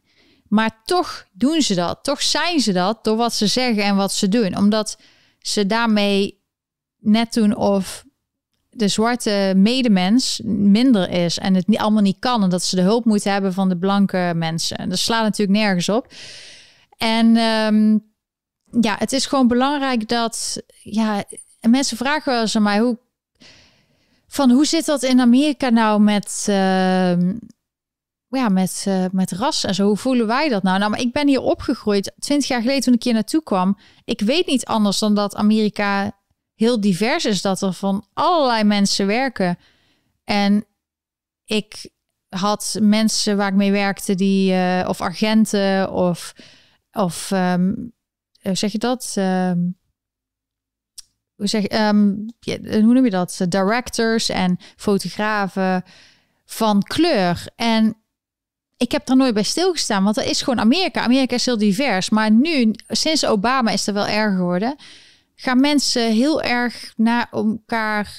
Dat je het heel erg duidelijk moet zeggen. En dat je heel erg duidelijk erover na. Terwijl ik daar zelf nooit bij heb stilgestaan. Maar je moet het wel doen, omdat er zo'n negatieve movement is die, um, die dus rellen veroorzaakt. En problemen veroorzaakt die het misbruiken. Dat je een soort tegengas moet geven. Terwijl ik wil gewoon normaal doen met alle Amerikanen hier. En dat willen, heel, dat willen dus heel veel Amerikanen. Maar het wordt je dus gedwongen gewoon bijna om een kant te kiezen. is heel frustrerend. En wij proberen ook gewoon om, ja, toch dat zo min mogelijk aan mee te doen. Maar als je het dan erover hebt, hè, ze zeggen allemaal... Ehm, het rare, wat ik het rare vind van de Democraten. En ik was vroeger helemaal voor Obama en zo, dat weten jullie. Maar toen mijn ogen open gingen, toen ik zag wat er eigenlijk gebeurde, was. Ze willen dus eigenlijk vrouwen heel erg neerzetten. En ze willen juist niet racistisch zijn. Maar Joe Biden heeft best wel wat racistische dingen gezegd. Maar dat wordt dan niet meer over gepraat. En uh, bijvoorbeeld van ja, als je niet voor mij kiest, you ain't black. Net of zwarte mensen niet zelf mogen kiezen en zelf weten wat ze willen. Dat is gewoon was heel racistisch. Maar ook dat hij meteen zei, ik wil een zwarte vrouw. Dus Kamala Harris is op die positie gekomen. Niet omdat ze zelf zo heel goed is, want ze kreeg heel weinig steun in de primaries. Daarom is ze ook eruit gegaan. Ze had gewoon weinig steun. Mensen vonden haar niet zo leuk. En nu zie je in de media, ook in Nederland, dat iedereen haar heel leuk probeert te maken. Of ze een hele leuke vrouw is. Dus de media kan iemand die helemaal niet zo leuk is, heel leuk maken door haar heel erg te promoten en zo. Dat zie je dus vooral ook in Nederland, zag ik dat. Maar in ieder geval, zij is dus op die positie gekomen door een witte man. En niet door haar eigen talenten. Dus iets wat ze zelf allemaal, al, allemaal zeggen. Als ze echt meenden wat ze zeiden, hadden ze dat Joe Biden al lang gezegd: nee, ik wil gewoon niet president worden. Kamala Harris wordt het. Misschien uiteindelijk gebeurt dat toch. Maar je snapt wat ik bedoel. Dat ze. They preach one thing en ze doen het andere. They don't walk the talk. En ze doen vaak juist het tegenovergestelde waar ze anderen van betichten. Dat vind ik gewoon zo. Ja, het is net of ze het expres doen en mensen een beetje in de war brengen of zo. Maar uh, hij heeft best wel wat verschillende exact quotes. Dat laat je nu zien. Het zijn de pareltjes van Biden. Ja, en dan wordt er helemaal niks meer over gezegd. Dat is normaal. Hij heeft ook in de afgelopen 50 jaar een, uh, een um, hoe zeg je dat? Een um, gevangenis, hoe zeg je dat? Uh, voor gevangenen en zo, dat ze dus meer gevangen gehouden worden. Ik weet niet precies de details daarvan. Maar daardoor, door zijn acties en wetten, zijn er juist meer mensen in de gevangenis eh, gekomen daardoor. Dus ja, het is allemaal zo. Je ziet hoe powerful de media is. Want de media geeft iemand een pass. Dus dat ze Biden er maar mee weg laten komen. Of Hunter Biden of wie dan ook. En dat ze andere mensen zwaar aanpakken. En er zijn mensen nodig, zoals die van Project Veritas, zoals James O'Keefe, die gewoon dit allemaal naar buiten brengt. Dat dit allemaal een plan is. Dat het niet, dat je niet bijvoorbeeld van CNN kan verwachten dat ze eerlijk nieuws brengen. Dat het gewoon een propagandakanaal is. Het is heel belangrijk altijd om heel erg afgewogen berichtgeving te doen. Dat vind ik heel belangrijk. Do what I say, don't do what I do. Ja, en dat is in Nederland ook, hè, de hypocrisie, het meten met twee maten, dat de een mag dit wel en de andere niet. Dat is waar mensen zo boos over worden. Het is niet erg als één iemand um, harder werkt en het goed heeft. En ja, misschien daardoor dingen kan die andere dingen mensen niet kunnen. Maar je moet mensen in essentie, als het gaat om vrijheden, wel gelijkwaardig behandelen. Dat iedereen hetzelfde. Je hoeft niet hetzelfde eindpunt te hebben, maar je moet wel hetzelfde startpunt hebben.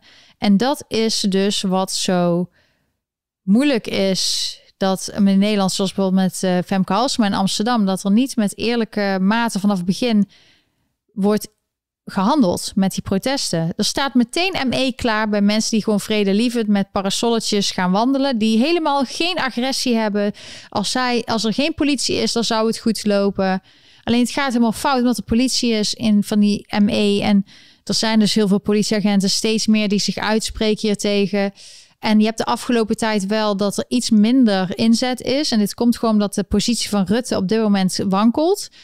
Dus ik verwacht zodra hij weer uh, minister-president is of Kaag, een van de twee, dan zal het weer vol erop gaan als je tegen de overheid iets doet. Dus daarom zeg ik ook blijf protesteren. Het is je recht. Um, je doet niks verkeerd en de overheid doet iets verkeerd. En, maar internationaal gezien zijn er ook steeds meer mensen die dat opvalt. Die ziet dat er iets niet goed gaat in Nederland. Dus ja, misschien hebben ze dat ook in de gaten. Dat ze, dat ze niet meer zo goed op, op. Het is niet meer zo het leuke landje. Het is heel knap hoor van Rutte. Dat hij in tien jaar tijd de hele imago van Nederland naar, aan gort brengt. Niet alleen het imago, maar ook gewoon het hele land. Nogmaals, als er gewoon het afgelopen jaar heel veel geld is uitgegeven, bijvoorbeeld 1,1 miljard, dat hebben ze ergens blijkbaar liggen, want daar kunnen ze ook een testmaatschappij van hebben. Maar als ze dat hadden ingezet voor de zorg en voor de IC-bedden en voor de de, de, de, dat al die mensen goed betaald krijgen. Dat ze de bonus krijgen die ze beloofd is. En dat de mensen die staan te popelen om te helpen, dat die ook geholpen worden, dat die ook mogen komen werken. Dan hadden we nu gewoon alles open kunnen houden. Dan hadden ze dat niet hoeven doen, maar ze willen die oplossingen niet. Dat is te makkelijk. Ze doen liever moeilijk, moeilijk want ze willen gewoon. Ik denk echt dat ze bewust mensen kapot aan het maken zijn en bedrijven. Dat is gewoon mijn mening. Ik kan niks anders verzinnen. Of ze zijn zo incompetent, maar Rutte is heel slim. Dus Um, ja, ik geloof dat niet. Dus ik denk eerder dat het echt bewust is. En dat is gewoon heel erg. Maar je moet gewoon niet blij zijn met die nieuwe regel van, regels van de terrassen open van 12 tot 6. Want je zag dus net, hier is alles gewoon open. Iedereen is gewoon lekker bij elkaar. Er is geen politie die mensen in elkaar slaat. Um, dat is ook wat normaal is. En wat jullie meemaken is gewoon niet normaal. En je moet nooit normaal maken wat niet normaal is. Daarnaast hebben jullie toevallig het debat gevolgd. Ik heb er deze week gekeken van Rutte en de notulen van de ministerraad. Daar zat ook een motie in, bijvoorbeeld uh, om meer geld, het geld van al die testen, die 1,1 miljard, om dat naar de zorg en naar de IC-bedden te doen. Nou, je moet maar eens kijken welke partijen er tegen hebben gestemd. Dat is waarschijnlijk de nieuwe coalitie.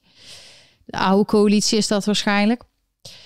En uh, de motie van wantrouwen, ja, Rutte, iemand vroeg ik van wat, wat moet hij nou doen om, dat, om hem weg te krijgen daar? Ja, Steflon Rutte, hè? hij blijft maar zitten, hij blijft maar. Ook al gaat heel Nederland kapot en we hebben heel te die debatten terwijl hij zat te doen is in Nederland.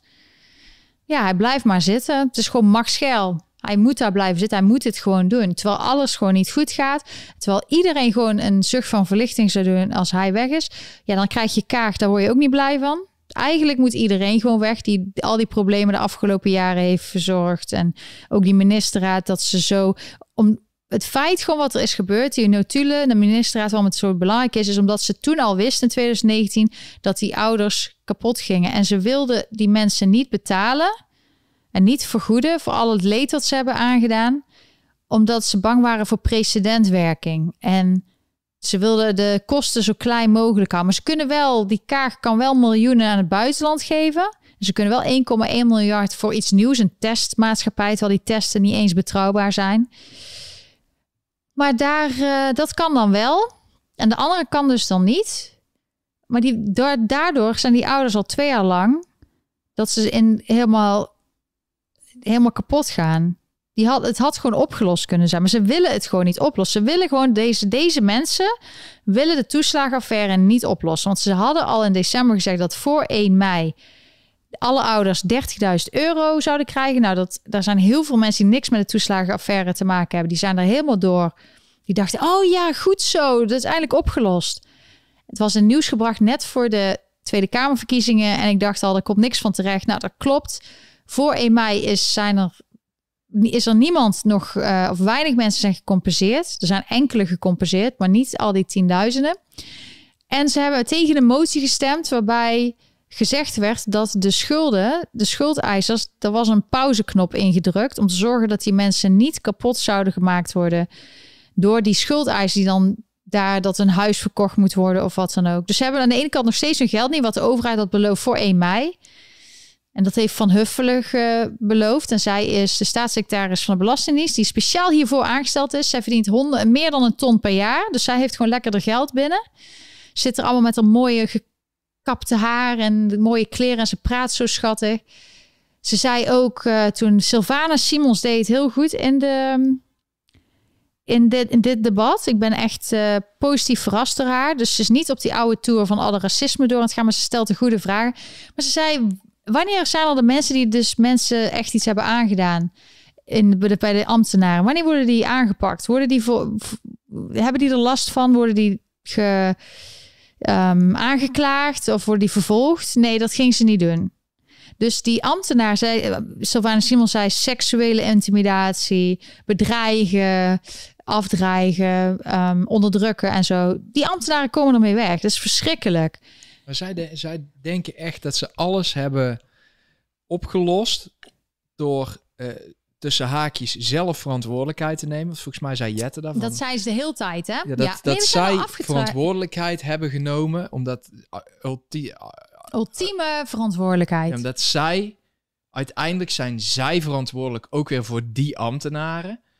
Um, en daarom zijn ze afgetreden. Omdat ze af, afgetreden zijn, moet er nou niet ook nog een motie voor wantrouwen komen. Omdat ze afgetreden zijn, moet er nou niet ook nog uh, uh, strafrechtelijk gekeken of daar iets gedaan kan worden. Dit is het gewoon. Ja. Dus heel Rutte's plan is in mijn ogen gewoon geweest van luister, uh, als we ze nu een beetje geven, dan trekken we niet meteen de hele beerput open, want anders dan, dan verlies ik kiezers, dus dat kan niet. Dan doen we net na de verkiezingen, uh, moet ik mijn positie veilig stellen, want dan hebben we geen zin in weer verkiezingen.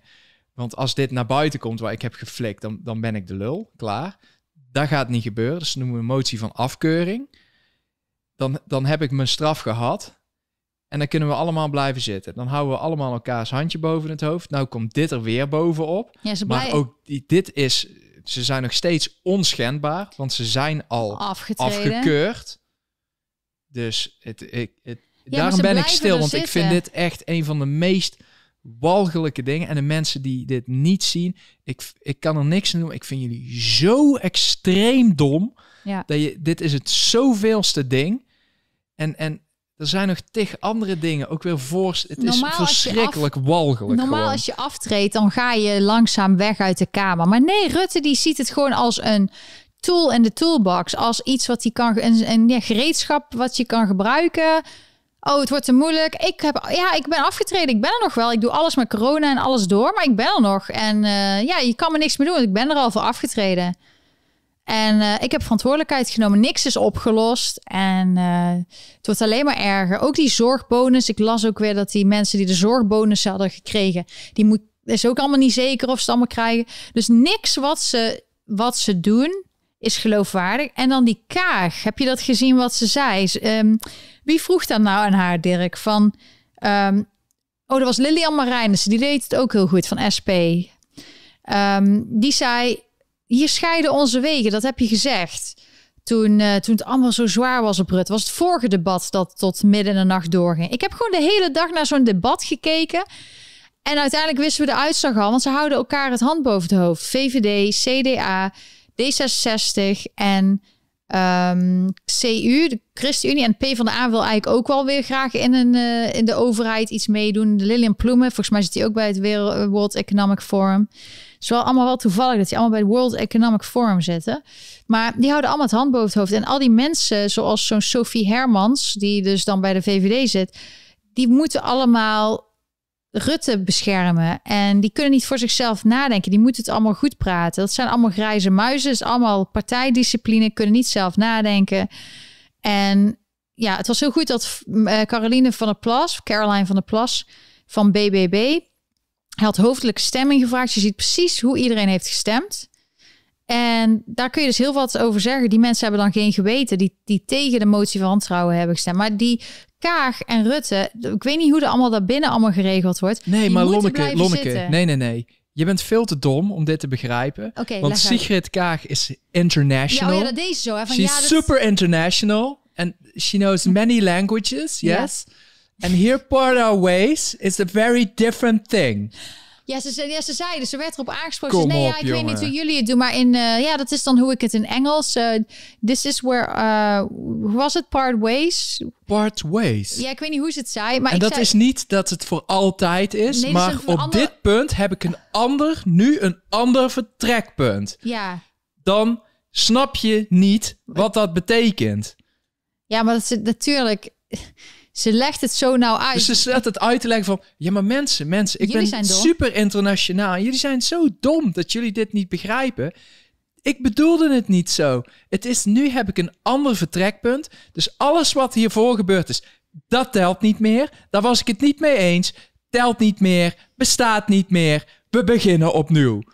Echt mens. Zij heeft Doe zichzelf normaal. Ik vond het wel leuk, want zo laat zij, zij, zij heeft een heel erg dédain. Ik weet niet of je dat hele. Ook zij moet gewoon. Dat dat is geen dendin. Dit is bambin Hotel. van dat ze met haar kop tegen de muur gelopen is, Lonneke. Oké, Dirk die wordt dus echt heel boos over dit. Dat is heel erg. Als die mensen weg zouden zijn, zouden we best wel het land goed kunnen besturen. Maar omdat die Kaag en die Rutte en die Hoekstra en die Gert Segers, eh, Gert-Jan Segers, dat die blijven zitten, zorgt er gewoon voor dat dit gewoon, dat heel Nederland onbestuurbaar is. En, en ze willen maar, ze willen, ze willen controle blijven houden en ze willen macht. En het maakt niet uit of heel Nederland kapot gaat. Zij moeten macht houden. Als zij echt om Nederland hadden gegeven, was ze lang zichzelf op. Maar je Maar mensen, mensen, treur niet, want ze gaat jullie ook helpen. Iedereen die op dit moment geen huis kan kopen, die kan dadelijk wel een huis kopen. Want in plaats van dat je 30 jaar lang krom moet liggen voor je hypotheek, gaat ze het verlengen. Waardoor je meer geld en makkelijker geld kan lenen. En dan hoef je maar 50 jaar krom te liggen voor je hypotheek. Dan blijven de huizen even duur. Wellicht worden ze zelfs duurder, omdat je makkelijker geld kan lenen. Het gevolg is dat je huis duurder wordt, dus dat je nog meer gaat betalen. Wat, wat bezielt die mensen? Dat is geen oplossing. Elk woord wat uit hun mond komt is zo ontzettend dom. En waarom ziet niemand dat? Waarom staat er niemand op en zegt hij niet gewoon van mens, pak je rekenmachine, kijk naar historische cijfers, kijk wat er gebeurt. Dit is, dit, dit is zo ontzettend achterlijk wat hier gebeurt. Oké, een van de problemen is, wat Omtzigt zei, Pieter Omtzigt zei, een te groot gedeelte van de Tweede Kamer wisselt elke vier jaar. Waardoor er te veel nieuwe eh, Kamerleden zijn die bijvoorbeeld niet weten hoe het allemaal werkt.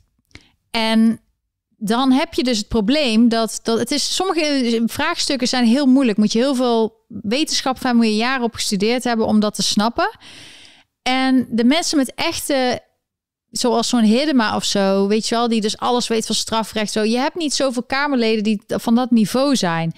En daardoor kunnen die, kunnen die niet ook ehm, goede, die mensen die er al zo lang zitten, die hebben doordat ze er zo lang zitten, hebben die meer overwicht en durven de nieuwe mensen niet echt, of ze weten er te weinig van, of ze zijn gewoon te weinig ervaren nog om, om ze goed tegen te werken. En bijvoorbeeld zo'n Lilian Marijnis, die zit er al wat langer, dus die durft nu wel gewoon te zeggen waar het op staat. Maar de meesten zijn een beetje gewoon nog Ja, een beetje boer-burgerbeweging, Die is mevrouw, doet het goed. Ja. Eh, Sylvana Simons, hoe, hoe, hoe gruwelijk tenenkrommend ik die ook vond voorheen.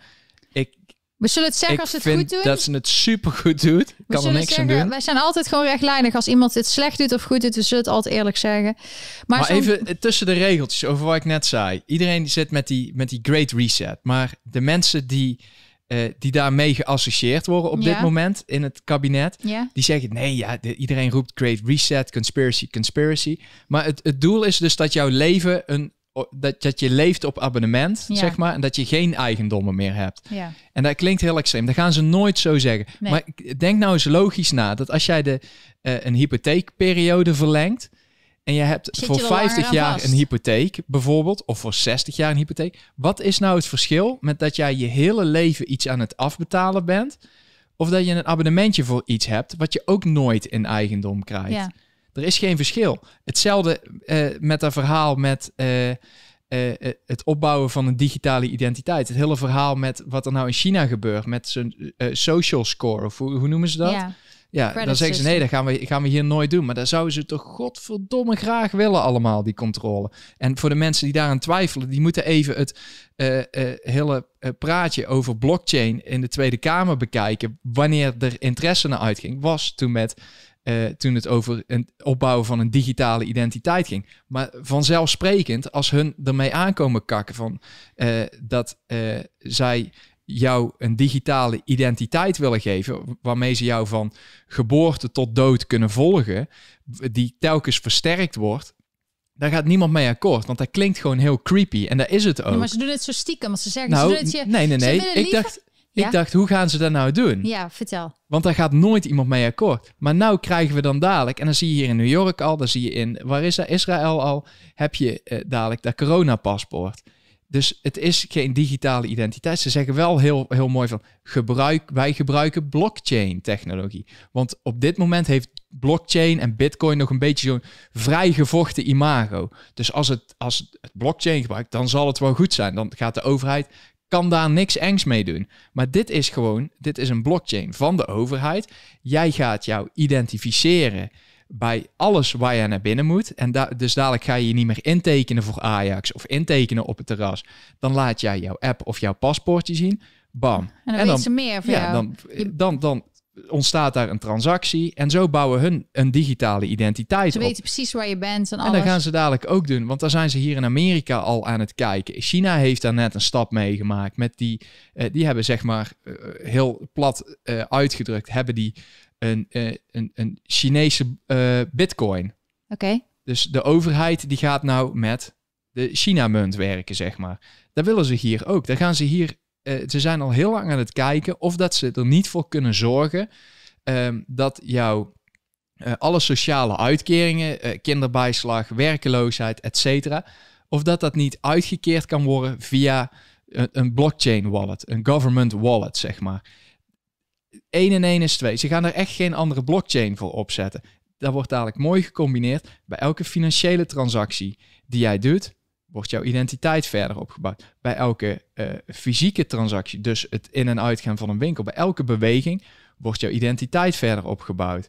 Maar ze willen, wat ze eigenlijk mee bezig zijn, is... Dat is wat ze willen, ze willen je controleren. Maar ze willen het zo brengen dat jij het graag wil hebben.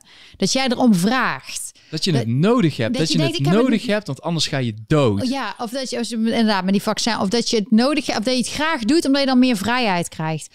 En eh, dat je dus, oh, ik vind het helemaal niet erg om mezelf in te tekenen bij zo'n terras, want eh, ik wil meer vrijheid. Dus ja, maar ze dat willen- intekenen is gewoon een voorbode. Dat is gewoon om jou... Je, je moet nou iets vervelends doen. ja, Dus eh, je moet je naam opschrijven, je e-mail, je telefoonnummer. Dat hoeft dadelijk niet meer. Waar gaan jullie helpen, mensen? Je hoeft dat niet meer te doen. nee. Je hoeft alleen maar je pas te scannen. Ja, Geweldig. We hebben jullie, we hebben jullie geholpen. Oplossing, oplossing. ja. En, en, en dan kun je zeggen conspiracy en je bent gek en dat is niet zo. Maar denk nou gewoon eens een keer logisch na. Ja. Waarom wil je dat? Ja. Je, waarom is er dan nog steeds geen grieppas? Ja. Dat, dat jij geen bejaardentehuis in mag. Ik weet nog, toen ik mijn, eh, eh, in het ziekenhuis eh, liep in Nederland in 2017 was er een mega, mega griepgolf in, in eh, vo- vooral eh, het zuiden van het land en in België. Ja. En de, de artsen waren compleet paranoïde. De hele setting à la corona stond in het Catharina ziekenhuis al klaar. Overal handenwaspaaltjes en weet ik het allemaal. En die waren helemaal para. Maar dat hoorde je niet, niet werd niks over gezegd. Als, waarom, heb ik toen, waarom is er toen geen grieppas? Oh, heb jij een griepprik? Nee, dan ben je wel veilig. Dan mag je wel binnen. Nee, nou komt het even zo uit. Ze willen, ze willen daar gewoon doordrukken. Ja, maar eh, bijvoorbeeld ook zo die Kaag, hè? want die is dan in 2017 naar Nederland gekomen en die zat allemaal internationale banen en ze gebruikt het dus zo nu om een beetje denigrerend naar andere Kamerleden. Van ja, ik kom uit het buitenland en ja, ik weet niet, ik praat niet het binnenhoftaaltje. Jij praat het binnenhoftaaltje. Jij bent het binnenhof. Jij bent alles wat niet oké is in Nederlandse politiek. Dus Ehm, maar je bent daar neergezet of je bent naartoe gekomen speciaal om minister-president en het allemaal te regelen vanuit Nederland. We weten dat. Waarom is er al vijf jaar lang, dus als je in 2017 bent gekomen, volgens mij was dat het jaar, ehm, en bent meteen minister geworden. Volgens mij hadden toen mensen niet eens op jou gestemd. Ehm hetzelfde met Ollengren. En, en dan kom je dus en dan word je dus. eh, ja, dan ga je dus allemaal dingen doen. Je gaat geld weggeven, ook aan terreurorganisaties. Allemaal waar Nederlanders niet voor gestemd hebben.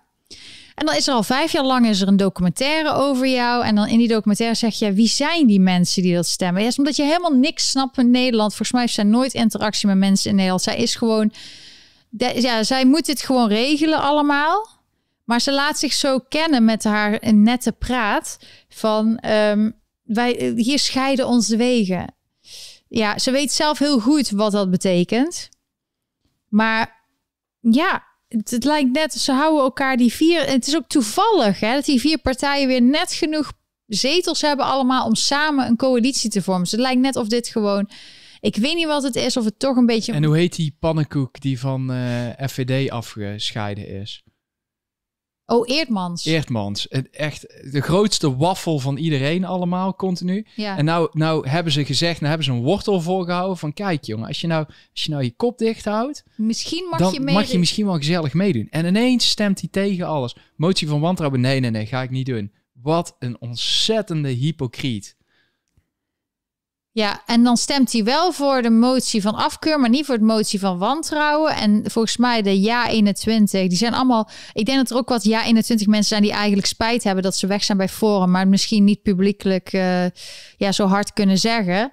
Maar eh, dat ze te snel hebben gereageerd op een media. En dat is altijd iets wat ik tegen mensen zeg. Niet zo snel reageren op wat er in het nieuws komt. Want soms heb je er spijt van. Heel vaak is het niet zoals het in de media is. Doe even rustig. Denk even na.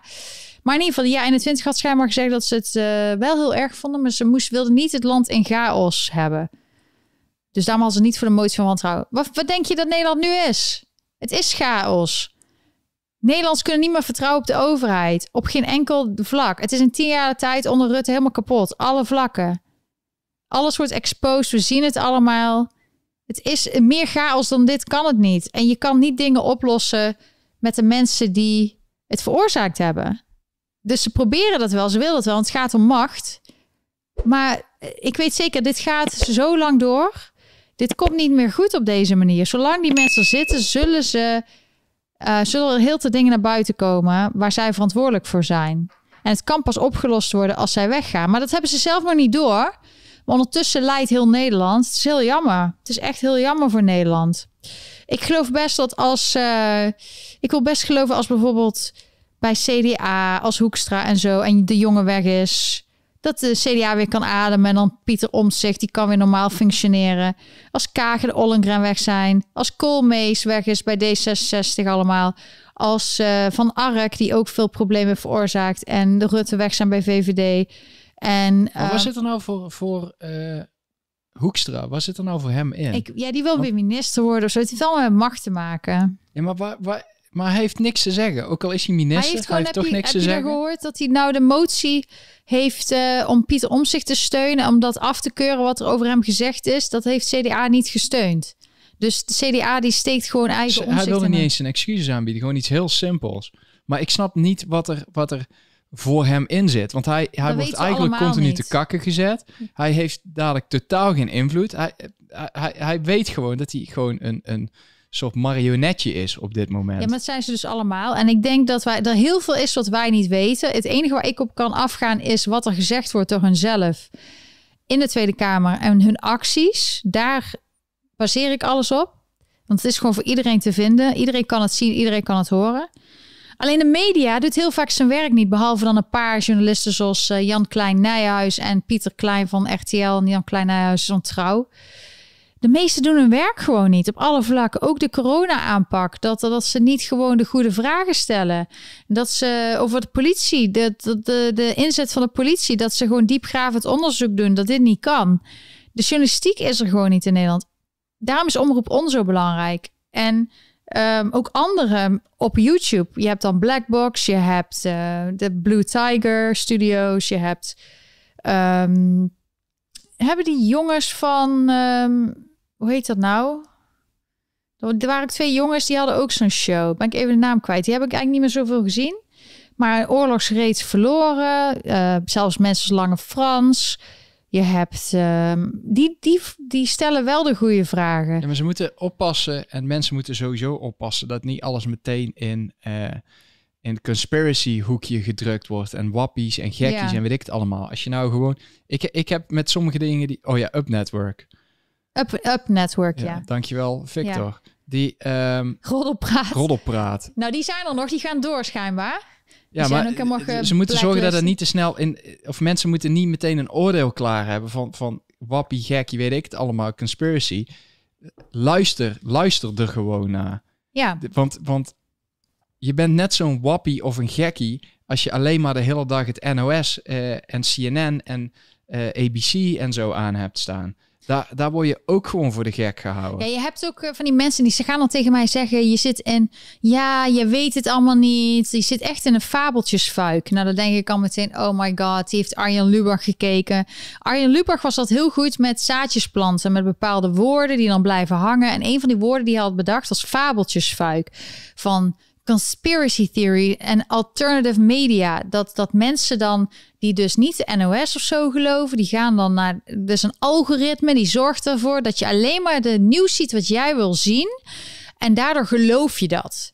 Terwijl de mensen die dus de NOS niet geloven, kijken juist de NOS en die kijken juist die andere dingen en die kijken alles. En in hoeverre, ze, ze waren toen heel erg YouTube en social media die kant op aan drukken. Van ja, maar jij ziet alleen maar wat je wil zien. Waar zien wij heel de dag?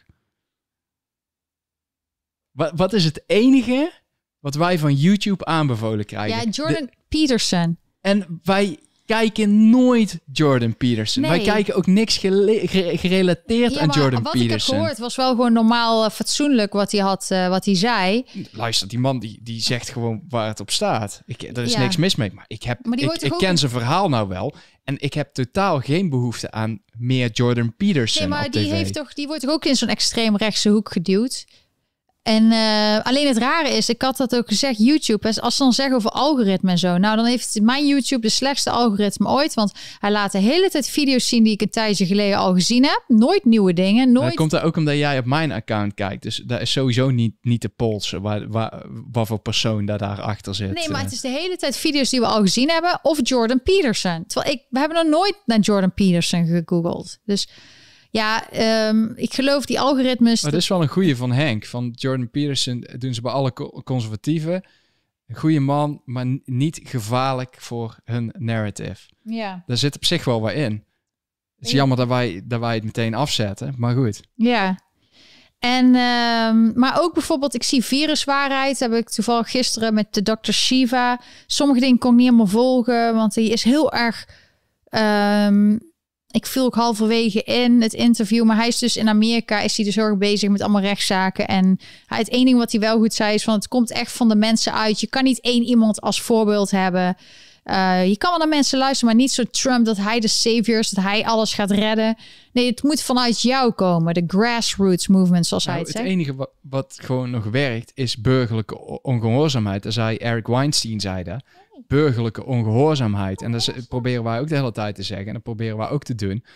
Pak gewoon je eigen project en ga daarmee aan de slag. Ja, probeer- en doorgaan. Eén klein ding aan te pakken, te veranderen, te, te exposen, zeg maar. Eh, en zo moet iedereen zijn ding doen. En, en ben, ben niet meteen bang als de politie een keer komt dreigen van je mag niet naar buiten. Want dat was hier ook toen wij die eh, lockdown hadden voor eh, al, alle rellen hier. Ja, maar de politie is wel iets anders hier. Die is wat Ja. meer meegaand hier. Maar ik, op dat moment hadden we ook kunnen zeggen, oh, maar we hebben een, een, een lockdown, we mogen niet naar buiten. Eerst testen, eerst kijken hoe ver je kan gaan en dan zien we wel weer. Ja, Dat doe je in de auto ook, toch? Ga je ook niet altijd netjes 50 rijden. En dan durven ze het wel allemaal. En nou ineens niet. ja. Nee, maar het is ook iets wat onnatuurlijk is. Want mensen groeien op met vrede. Dit is voor, deze comment is vooral voor alle VVD-mannetjes eh, daar. Nee, maar het is... eh, je, je bent opgegroeid met vrede... en dat je niet echt hebt opkomen voor je, voor je vrijheid. En dat komt dus heel... Mensen moeten daar wakker worden. Denken, hè? Ik hoefde nooit te vechten voor mijn vrijheid. De overheid regelde alles best wel goed. We stemmen één keer in de vier jaar en dan is het wel oké. Maar zo werkt het helaas niet meer in deze tijd. Want dan krijg je dus dat soort mensen in de overheid. Die, die, het zijn maar een paar mensen die over miljoenen mensen proberen macht uit te oefenen en dingen te regelen. En als jij dat niet wil, dan moet je daar iets van zeggen. Anders is het heel makkelijk. Dan gaan ze gewoon een hele plannetje uitvoeren als je helemaal niks eraan doet. Dus ja, wat wil je dan? Dan ga je toch liever proberen toch aan te pakken dat je toch nog een beetje iets van zeggenschap hebt in de toekomst. En ik zie ook wat eh, interessante ehm, aanbevelingen in de chat. Podcasts.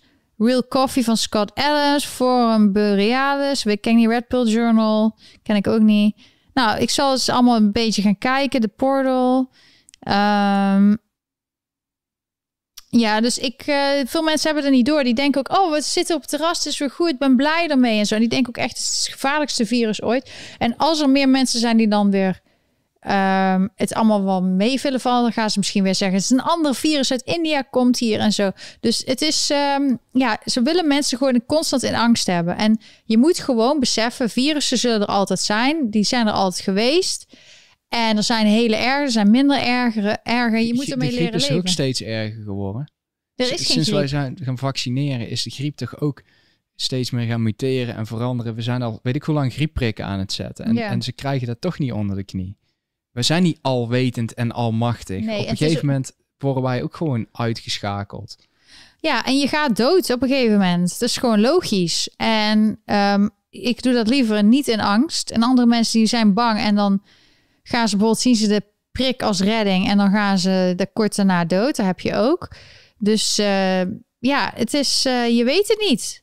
En je moet gewoon proberen elke dag het beste van te maken en elke dag strijden. Dat is gewoon eigenlijk hoe de wereld is en de natuur is. Je moet altijd vechten voor je plekje op deze aarde en voor je vrijheid en voor je rechten.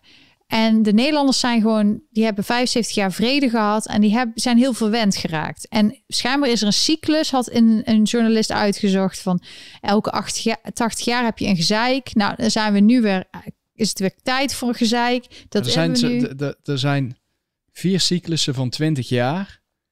Waarbij er eh, opbouw is, afbraak, et cetera, et cetera. En wij zitten nu gewoon in een, een neerwaartse spiraal. En als het, als het de historische lijn zou volgen, dan zou alles nog tot 2028, zeg maar, kloten blijven. Maar daar moeten we doorheen met z'n allen. En, en daar moeten we het beste van maken.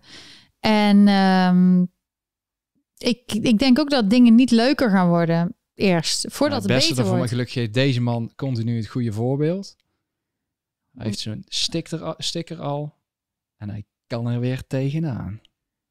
Wat bedoel je ermee? Je beeld loopt iets achter. Oh, Erik Mouten heeft een... Eh, ja, want je, je bent niet goed gevaccineerd als je niet even een eh, selfie hebt gemaakt, hè? En een Dat hoort erbij, hè? Je moet het echt even op social media zetten, dat je het bent. Anders werkt het niet. Dat is natuurlijk een grapje, maar zo, die mensen zijn zo trots en die voelen zich zo beter andere Ja, ik ben mensen. benieuwd of die mensen daar ook bij prik 3, 4 en 5 gaan doen. Ja. Tenminste, daar begint het nou op te lijken. Ja, ze hebben het al over dat er een derde moet komen en zo. Ja, dan zit je in het systeem. Ehm, verder, ja, we hebben, ik ben dus heel erg hier aan het wachten op die audit. Die ben ik een beetje aan het volgen. Ik ben dus zelf bezig om dingen te verbeteren, video's te maken. Nogmaals, ik wil iedereen bedanken die altijd steunt. Ik wil, eh, ik zag Ferenc van de Ven, die had weer. Ik vind het ook leuk via PayPal kun je ook berichtjes sturen. Hij had mij gestuurd. Keep up the good work, zoals ze dat zeggen, met een smiley. Dank je wel voor je steun. En Annelies had ik al gezegd. Dank je wel vanuit Amerika. Dat er dus ook Amerikanen zijn die belangrijk vinden dat ik hiermee doorga. En ehm, ja, dus via de superchat. Oh, ik krijg eh, van Kent krijg er een. Die zegt. NOS laat zien hoe ze in India op straat mensen cremeren in verband met de co- COVID-doden. Ik ben daar pre-corona geweest en dat is daar heel normaal. Ja, maar dit is weer angst. Mensen bang maken. Het is inderdaad heel normaal in bepaalde landen om mensen te cremeren. Net als dat er in bepaalde culturen een, een lichaam meteen een, binnen een dag begraven moet worden in heilig land, op, in heilige grond. Uh, iedereen heeft zo zijn eigen cultuur. In uh, Nederland heb je dan misschien een paar dagen of een week of zo. In andere landen is het wel anders.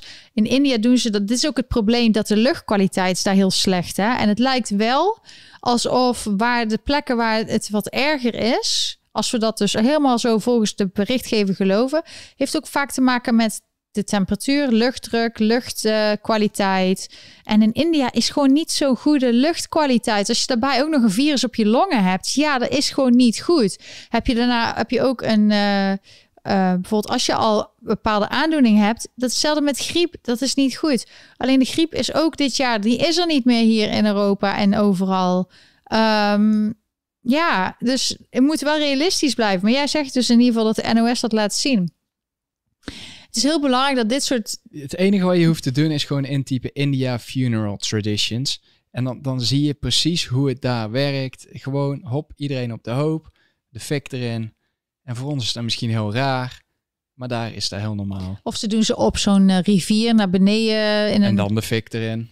En dan misschien de fik erin. Maar het is, ze hebben allemaal rare tradities. Maar het is inderdaad, daarom is het belangrijk dat, dat, dat er kritiek is op NOS. Als er iets is wat wel klopt naar controle, dan moet je dat zeggen. Maar als het fake news is, Maar je dan... kan het er niet maken dat je zegt dat er worden mensen in brand gestoken en weet ik het allemaal. Terwijl de, de, als je dan hebt over racistische dingen, het, het feit dat je dan niet respecteert dat die mensen daar zo mee omgaan en dat je zelfs dat gebruikt om, om eh, mensen hier angst aan te jagen, is gewoon vies. Ja, ja en dan, het is, eh, angst is heel belangrijk, maar ook incentives. Ze proberen ook mensen te lokken om toch aan de goede kant te komen. Dus in hier is dat dan vaccineren. Ik zag iemand al zeggen, Jones for jabs. Ja, je kreeg, je hebt hier sinds kort een wet die aangenomen is dat marihuana hier dus dan eh, voor recreatief gebruik mag, eh, mag gebruikt worden. Dus het ruikt hier ineens allemaal alsof je in Amsterdam bent.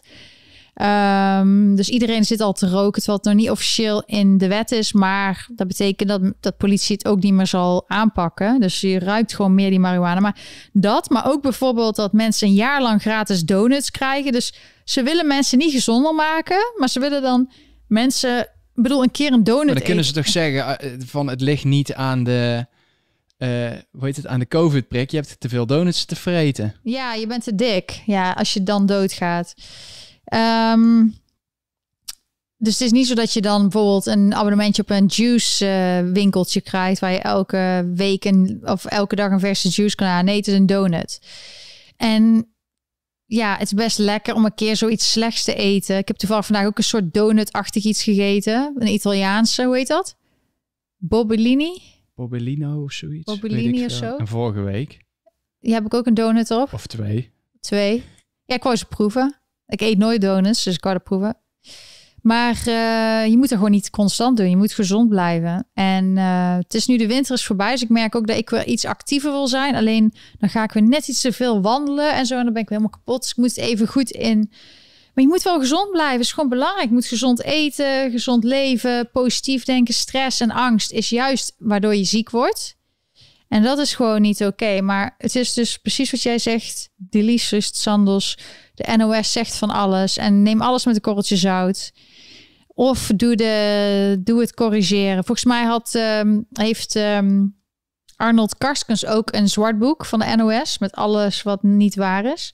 Die is altijd al wel uitgesproken geweest. Maar wat hij doet is hij gaat naar die protesten en hij gaat live verslag doen. Hij hoeft niet meer als oorlogsfotograaf of oorlogsverslaggever naar rare landen toe. Hij kan gewoon de mensenrechten schennis in Nederland vastleggen. Dus hoeft hij niet meer zo ver te rijden. Dat is ook wel fijn.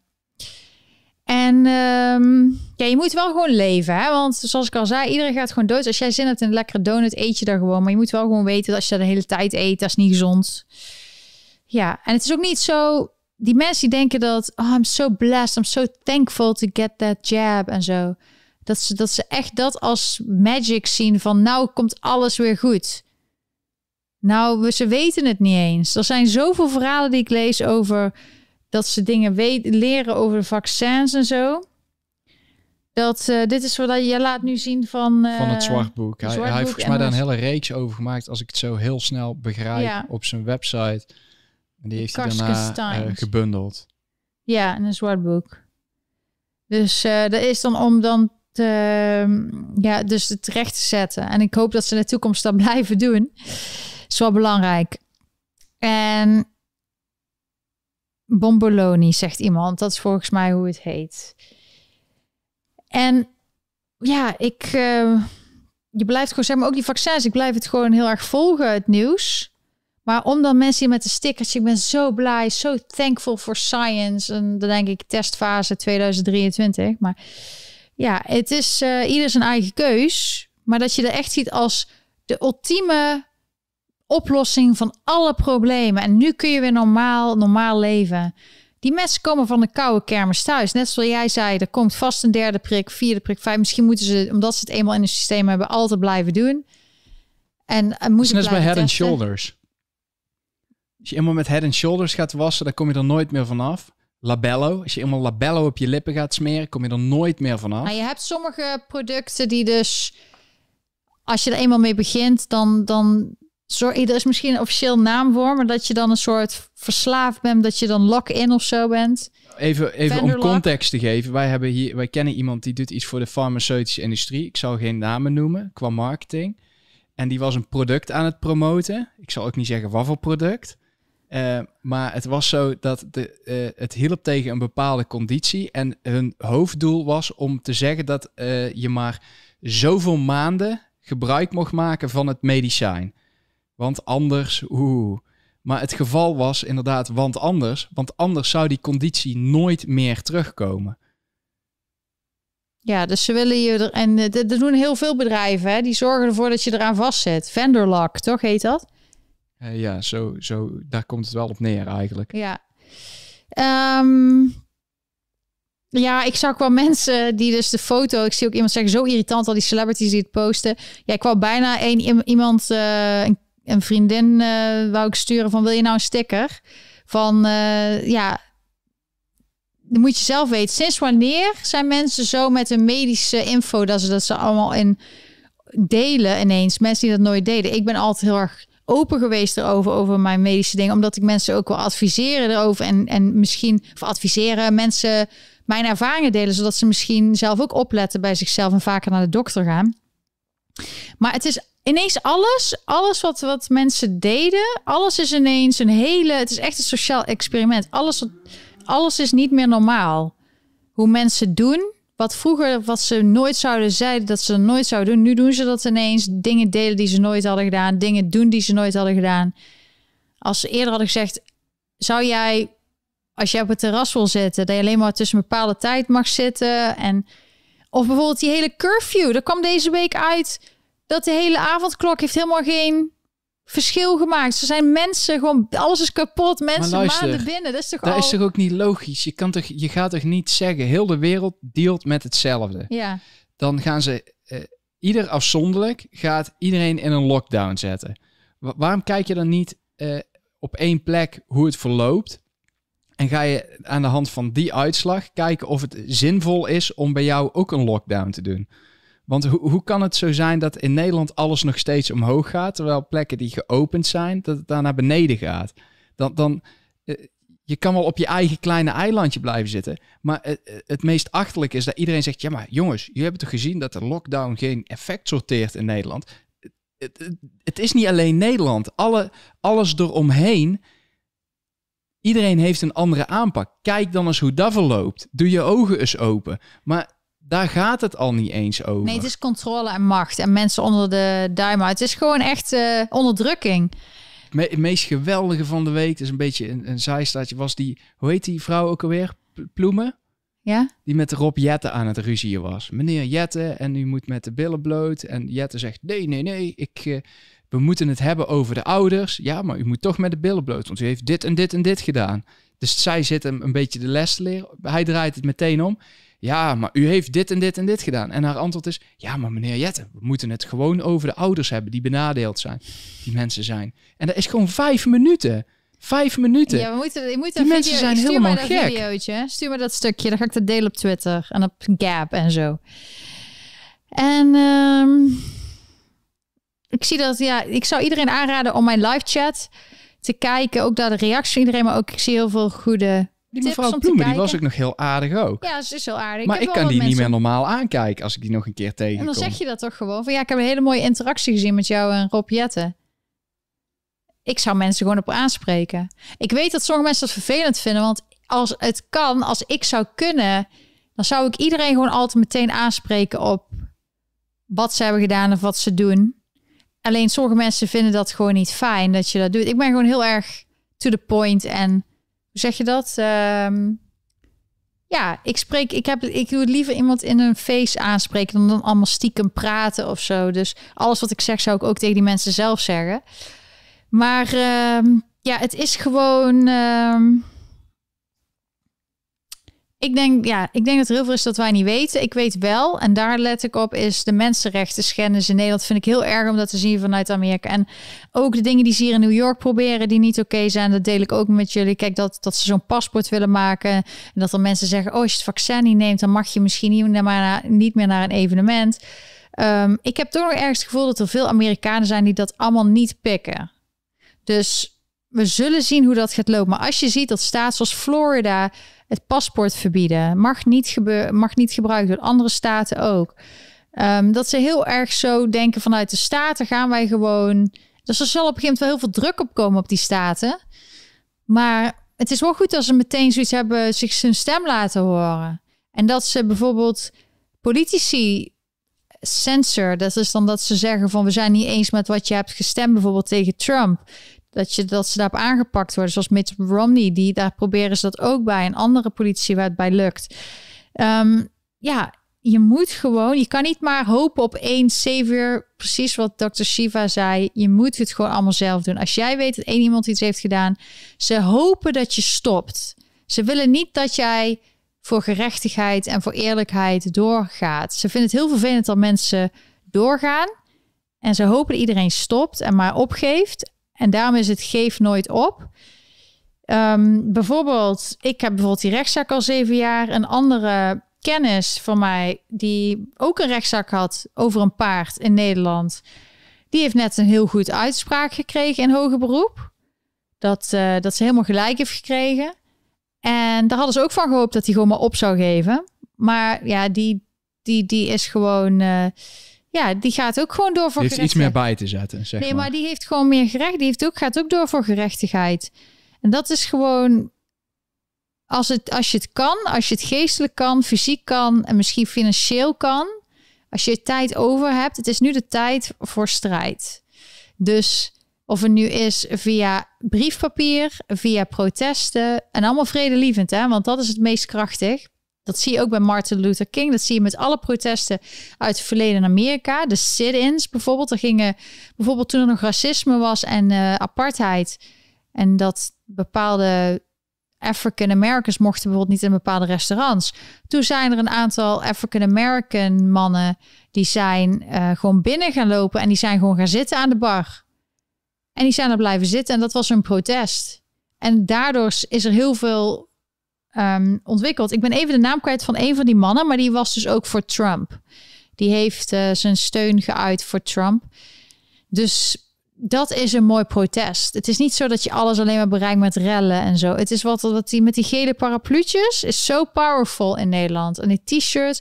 Ik zag ook dat er een groep is van Moederhart. Ik zag in iemand die had een t-shirt gemaakt met zelf nadenken erop. Ja, allemaal van die kleine dingetjes, al die acties, dat werkt. Daarmee uit je jezelf. Als er bijvoorbeeld ook een school is, je hebt kinderen en die willen allemaal rare dingen of testen of zo, dan zeg je gewoon, ben ik het niet mee eens. Um, ja, hij was dat. Hoe heet hij? He was a civil rights hero in the 60s. Clarence Henderson. Clarence Henderson. Nou, die heeft ook een heel mooie speech gehouden tijdens de Republican Convention vorig jaar. Dus net voor de verkiezingen. Die zou ik sowieso, als je ooit geïnspireerd wil worden en je houdt van Trump, zou ik die eens terugkijken, die vier dagen. Er zijn hele ja, maar dan zie je hoe kort dat geleden is, Lon. Ja. Echt bizar. Maar hij is dus iemand die dus die sit-in heeft gedaan. Als je naar beneden scrolt, zie je dan misschien de foto van vroeger? Want die foto is echt een bekende oude zwart-wit foto. Ik zal hem wel even zoeken. Maar dan, kun je nagaan. Dit is dus... Uh, dit is zo kort geleden. En, en we zitten nou met z'n allen te zeggen 60's, van hoe, ja. hoe achterlijk dat het was. Dat normale mensen niet gewoon binnen mochten. Dat die niet plaats mochten nemen in een bus waar ze wilden. Ja, maar nu en dan zeggen we, dus... oh, dat was zo raar, dat zo. En, en, maar we vinden het nou niet raar dat niemand een restaurant in mag. Ja, of dat, dat je dadelijk alleen maar als je gevaccineerd bent een restaurant in mag. Dat is eigenlijk hetzelfde. Dat, uh, dat mensen dus op basis van iets worden uitgesloten. Dat is heel raar. Um, ja, dus dat is een beetje onze week geweest. Ja, behalve ook wat ik ook wil zeggen in New York en Amerika. Alle materiaalkosten en alle materialen zijn heel duur. Er is echt een tekort. Er is tekort aan koelkasten, appliances, dus wasmachines, alles. Moet je heel lang op wachten. Ook omdat de afgelopen jaar de fabrieken dicht zijn geweest. Ik weet dat mensen zeggen, ja, onder Biden is de economie heel erg omhoog. Ja, is logisch als er allemaal staten open gaan en de vaccins zijn er. En uh, als het zo slecht en alles is dichtgegaan, tuurlijk gaat het dan de grootste increase van economy ever als alles dicht is gegaan. Dus dat is heel logisch. Dat is niet een, een verdienste. Dat is gewoon als alles weer open gaat, gaat het ineens weer heel erg omhoog. Maar het zal nog wel zwaarder worden. Want bijvoorbeeld hout. Dus als je iets wil bouwen, hout is echt. Hoeveel procent was dat, Dirk? Eh, 130 procent. 130 procent omhoog gegaan. Ehm, Even terugkomende. Is, is dat die man ja, eh, deze foto. met die dat. bril dan? Waarschijnlijk wel, hè? Ehm, nee, die achterste lijkt het, of niet? Oh, dat zou ook wel kunnen, ja. Maar er is dus wel een African American die daar werkt. Maar er mochten dus geen African Americans aan zitten. En hun gingen daar gewoon Je ziet zitten. die vrouw achterin echt... Oh, ho. Ja, inderdaad. Ik hoop dat zij die foto dus- ook nog eens terugkijkt. Dit zijn de foto's van die historie hebben gemaakt. En nu krijgen we misschien straks weer mensen die dus zonder mondkapje ergens gaan En, zitten. en van, die medewerker denkt echt... Fuck, fuck, fuck, fuck. Die denkt, wat gaat er nou gebeuren? ja, Echt bizar, jongen. maar dat is dus de manier hoe je het doet. Vredelievend. Maar het, even voor de duidelijkheid. Het meest bizarre op de hele foto... is de zijn toch wel de prijzen. koffieprijzen. Ja. ja, het is zo duur geworden alles. Inderdaad, kom eh, over terug wat ik zei over... eh, ik hou echt van historie, van mooie foto's. Zo zegt zoveel. En ehm, ik volg ook veel op Instagram van die pagina's van history van New York City. Oude foto's en zo. Ik vind het zo interessant. Ehm, wil je meer ook weten over historie en over de African American historie, moet je echt Uncle Tom kijken. Ik blijf er bijna elke video zeggen, want ik vond dat heel indrukwekkend. Gewoon praten over hoe eh, zwarte Amerikanen in deze tijd, die dus wat meer conservatief zijn, hoe die zich voelen en waarom die bijvoorbeeld Trump steunen of conservatief zijn. En het is dus niet dat iedereen allemaal Black Lives Matter die organisatie steunt, want die steunen alleen maar bepaalde zwarte levens en niet alle zwarte levens. Want de conservatieve zwarte mensen, die zijn er ook. En die worden dus vaak uitgescholden voor Uncle Tom en zo. Zoals ik al eerder al zei, zou ik echt kijken. Maar alles wordt dus hier duurder. En ik ben gewoon, ik heb dat gisteren ook gezegd, ik zou gewoon altijd wel wat extra blikken eten en zo hebben. Ook voor je hond en zo. Dat je gewoon wat extra dingetjes Maar hebt. dat doen ze ook heel slim, hè? wat- Want alles wordt duurder. Daar, daar was waarschijnlijk al op geanticipeerd, want daar werd al heel lang geroepen. Eh, maar dan hebben ze ook alweer die eh, corona surcharge hebben ze ingebracht. je bedoelt Zodat die dat stap je- niet zo groot lijkt. Dus als je gaat eten, dat je dan eh, hebben ze... Een zeg- extra belasting toe mag voegen op alles. Ja, dat je, omdat het zo zwaar is met, met de kosten. En ja, er zijn die mensen die dus alles nu regelen, die dus de corona gebruiken om alles door te voeren, die zeggen ook, die hebben het al over food shortages. We hebben Kamala Harris, die zegt over een paar jaar hebben we, vechten we niet meer over olie. Want ze willen in Amerika alles heel erg elektrisch maken. Maar die elektriciteit moet ergens vandaan komen. Dus dan willen ze overal windparken neerzetten. Maar die windmolens en zonne-energie. In, in, in Texas, toen, het, eh, toen alle energie uitviel, alle elektriciteit. Toen werkten al die zonneparken niet, want er lag een lading sneeuw op. En eh, windmolens, en die zijn niet lang houdbaar. En die zijn niet te recyclen. Dus dat is allemaal een probleem. Maar ze gaan toch door. Ze willen alles elektrisch maken, want dan kunnen ze weer geld aan verdienen. En zij zegt dus ook al van ja, we gaan straks vechten over water. Dus niet meer over olie, maar over water. Dus dan weet je eigenlijk al, oké, dus op een gegeven moment wordt water duur of moet je heel veel betalen voor je water.